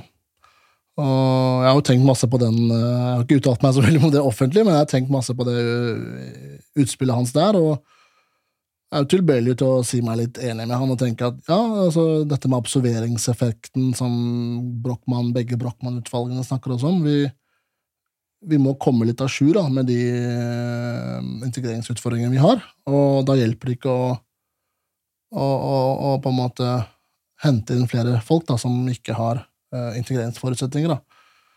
Så, ja, så det er på en måte det, da, og det er vanskelig. Altså, skal vi hente inn mange fra Palestina, for eksempel, da, så kan vi ikke hente veldig mange. Vi må hente såpass mange da, at vi kan tro at vi klarer å integrere dem på sikt. Og det, det, er det vi har utvist nå, at vi ikke alltid klarer, da, selv om vi liker å tro det. Men jeg tror jeg ser hvordan skoen trykker på de skoene. Og, uh, og dette med ja, negativ sosial kontroll det, det blir mer av, det hvis vi, henter, hvis vi, på en måte henter mer folk uh, fra den type kulturer og etnisitet og religiøs bakgrunn osv. Så, videre. så blir det vanskeligere, eller ikke vanskeligere, men det, alt avhenger av hvor mange. Og det er så det, han har noe for seg, han eh, Svenneby. Så spørs det eh, om han får noe gjennom det. Men du har jo han andre i Høyre også, han Sandelin. Mm. Så du har de to i tospann, kanskje. Jeg vet ikke om du kjenner hverandre like, da, ja. men eh, du har iallfall de to i tospann, så uh, jeg veit jo at uh, altså, Solberg er vel ikke helt enig med begge to, men, uh, men Solberg er Solberg. Det må være litt, litt Obama. Være liksom nøytral. ja, jeg tenker at uh, ikke bare i forhold til antall uh, man tar inn i landet, men også hvem de er. Jeg tror man har enda sterkere fokus på det. At vi passer på å ikke liksom, importere folk som har vokst opp med å bli hjernevasket til å bli terrorister, liksom. Og liksom, Hvis du ser en jøde, drep den jøden, på en måte. Og, uh, hvis du har vokst opp på den måten, da, Og så skal vi naive Norge bare ja, kom hit, kom til oss, og så bare legger vi til rette for grobunn for radikalisering og terrorisme og alt mulig. Ja, altså vi har jo hatt de søstrene som har uh, havna nede i islam, og, så vi har jo litt erfaring der. Um, og det, det, er noe annet Altså, vi har jo henta inn folk fra Bosnia, uh, bosniske muslimer, som og, og, og, de har jo klart seg ganske greit, men det er fordi de har, uh, var veldig, islam i Jugoslavia var veldig altså, sekulært på den tida. Altså undertrykt. Og, og, på den måten så har mange av de mus eh, bosniske muslimene som har kommet, har jo integrert seg ganske greit. Mange av dem har gifta seg på tvers av både med etnisk norske og andre muslimer og seg imellom osv. Det er en stor, eller større blandings uh, der, da. Hvor den type ting ikke er så veldig uh, Men det, det, er noe med at de er oppvokst i Europa. altså Det er noe med den europeiske delen. Det samme med, med ukrainerne. De, ja, vi er, de er ortodokse kristne, og vi har protestantisk, eller Norge har det tilsynelatende. Eh, men, men vi Men jeg tror på sikt at det vil, det vil kanskje være noen utfordringer med integrering i første runde, men på andre tredje, altså andre, tredje generasjon vil eh, gå seg til. Selv om de sier nå at de skal vel reises hjem etter to etter to år, eller noe sånt. Eller når krigen er ferdig, da. Det, det tror jeg ikke skjer. jeg tror de blir her. Altså, det samme skjedde med Bosnia. De også skulle reise hjem etter to år. men mange, Noen få reiste, men de fleste blei. Etter trykk i media, ikke sant? solidaritet osv. Det, det er jo en fin ting, tenker jeg. Mange av de har jo gått, gått, de fleste av dem har det jo gått bra med. Så det er, og derfor også, også var det noen Kall det gjerne voksesmerter men når bosnierne kom. at det var noen, altså, det var litt sånn, husker moren min jobbet jo på sånn asylmottak for uh, bosniske uh, flyktninger. Da var det en del ting som skjedde, da, men det var jo første generasjon. Andre generasjon har jo blitt voksen og, og, på en måte kommet seg til. da. Mm. Og det, eller, ting har gått seg til, altså Bokstavelig talt gått seg til. Det var det vi hadde også holdt på på uh, andre grupper, men der har det kanskje ikke helt gått seg til. Mens her har det faktisk gått seg til. da. Og det, um, så har du også de gruppene, ja. Du har jo in, iranerne, eller perserne. mange av dem som er i Norge, de er jo flykta fra uh, Khomeini, datidens Khomeini, så de er jo veldig De tror de scorer ganske høyt på integrering òg. Uh, av, av, folk fra Midtøsten, så er det de som skiller seg ut. Og, så de har scoret ganske bra. Uh, eller fra Menon. du har også tamilene som har skilt seg ut veldig bra ut. Og, og indierne, da. India og Pakistan. Det er jo naboland og tilsynelatende samme uh, har, Noen av dem har jo kanskje samme etnisitet, men forskjellig religion. Der også har jo inderne, de få vi har i Norge, har også kommet et godt stykke på vei på integreringen. Eh, så, så det, det, det, du sier at Spørs hvilken gruppe, da, mm. og, og, hvor mye, og det er det vi har. Brochmann-rapporten har jo avslørt dette. og altså, Absorberingseffekten. Dette vil gå ut over fellesskapet. Og det er jo altså, at ikke fellesskapet uh, eroderer, at det blir på en måte forvitrer, fordi altså, alt er relativt etter hvert. Ja, ingenting er bra, ingenting er dårlig. liksom postmodernistisk. Alt er bra, alt er dårlig. alt er sånn Gjør hva du vil. Ja. Normløshet. Så, ja, ja. Vi, bryr seg, vi, bryr oss ikke om det, fordi vi er så utrolig tolerante. Ja, uh, anarki, det Ja, det, det, er jo det man ender opp med. Da. Det er jo endway, og da blir det sånn, der vil vi ikke. ikke sant? Vi vil ha en eller annen viss form for uh, rammer og regler. Da. Og håper det rommer flest mulig folk. Da. Og det er jo det vi Jeg syns Norge er ganske flink til det, og rom, at vi inkluderer. Mm. Uh, Eh, jeg er jo veldig glad for det. Altså, jeg har blitt inkludert som fankerne, både av nærmiljøet og, og, og, fellesskapet generelt. Og jeg, jeg, har opplevd rasisme, ja, det sier jeg. Ja, det, den er ikke perfekt i Norge, men uh, sammenlignet med mange andre land som jeg vet, uh, hvor du har ordentlig altså Rasisme der er bare penis i forhold til det du har i Norge. Så er jeg utrolig glad og takknemlig for at vi endte opp i Norge, da. Så med tanke på den toleransen og inkludering av mangfold osv., som vi er veldig flinke til. Da. Så jeg bare håper vi får bli der. mm. Er du bekymra for radikalisering eh, i Norge? Som en sånn neste steg etter liksom, mer og mer religiøs ungdom, mer og mer type sånn eh, muslimske identiteten din er det viktigste, faram, regler, skam, ære Um, Tror du det kan det føre til også radikalisering i enkelte individer? Ja, absolutt. Det er det, det, vi ser i disse enkelte moskémiljøene. Altså, det er jo hva de sier, og hva de preker, og hvordan de En ting er hva de sier i media, en annen ting er hva de sier til, til hverandre, holdt jeg på å si. Um, Det, det ser vi på skolen. Vi ser det på ungdomsskolen, vi ser det på, barne, på, barneskolen og på, ungdom, på barnehagen. Der ser man også en fremveksten av dette med den religiøse biten, da, som på en måte på sikt munner ut i at eh, vi og dem. Det kan starte med noe så enkelt som at hvis du har eh, dattera di på to år og har bursdag, så inviterer du alle, og du kan hvis noen har en muslimsk bakgrunn, så på slutten skal de gi dem en godteripakke, og så gir du den til alle barna når du er ferdig med bursdagen, og så tar en faren eller moren opp og men du får se på den geleen. Er det gelatin eller ikke? Og da foran ungene så kan den, for, for faren drive og ta det vekk ikke sant? og tenke nei, men her eller moren Det har jeg vært borti. ikke sant? Jeg tenker sånn, Hallo, det er en barn på tre-fire år, liksom. Altså, den, utrolig kjipt det er at han står foran alle andre barna, og, og du som foreldre, tenk på du som norsk-etnisk foreldre, har gjort noe gærent. Oi, helvete, har jeg tråkka noen altså, Da blir man litt sånn Å, herregud, jeg må neste gang så har jeg tråkka gjort noe feil. Å, herregud, det er min feil jeg må vise mer aktsomhet, og neste gang altså Han vil jo si og implisitt, eller de, da. Neste gang så må du ha Det fins eh, eh, godteri uten gelatin. Da må du kjøpe fra der og der, ikke sant. Og da Noen velger å, å på en måte gjøre det, mens jeg tenker at jeg tør å si fra, men dette syns jeg er ikke greit. Jeg kan si det til Jeg har vel barn nå. og Hvis vi skal begynne med halal mat på skole, så tenker jeg Uh, hva med oss som ikke er muslimer, da, eller som på en måte uh, er agnostikere, ateister? Hva med de som er hinduer? Hvorfor skal de religi spise religiøst tilberedt mat? Hvis vi først skal spille det spillet, så kan vi ta alle sammen. Ellers tar vi ingen. Ja, men hva med Så kan de begynne med veget vegetarisme. Nei, eller, eller cøliaki eller mat... Uh, nå blander du andre ytre faktorer med, med, med, religi med religion. Det er, det, vi, det er ikke det det handler om. Det handler om at nå, altså, bare fordi en elev har, eller et par elever, eller flere kanskje, har muslimsk bakgrunn, så skal vi hele gjengen tilpasse tilpasse det. Altså, det er, jeg har vært på skole hvor du den grillen som vi skal grille, der er det bare halal grill. Skolen skal gjøre noe hyggelig for elevene. Majoritetsskole med minoritet, altså hvor minoriteten er majoritet.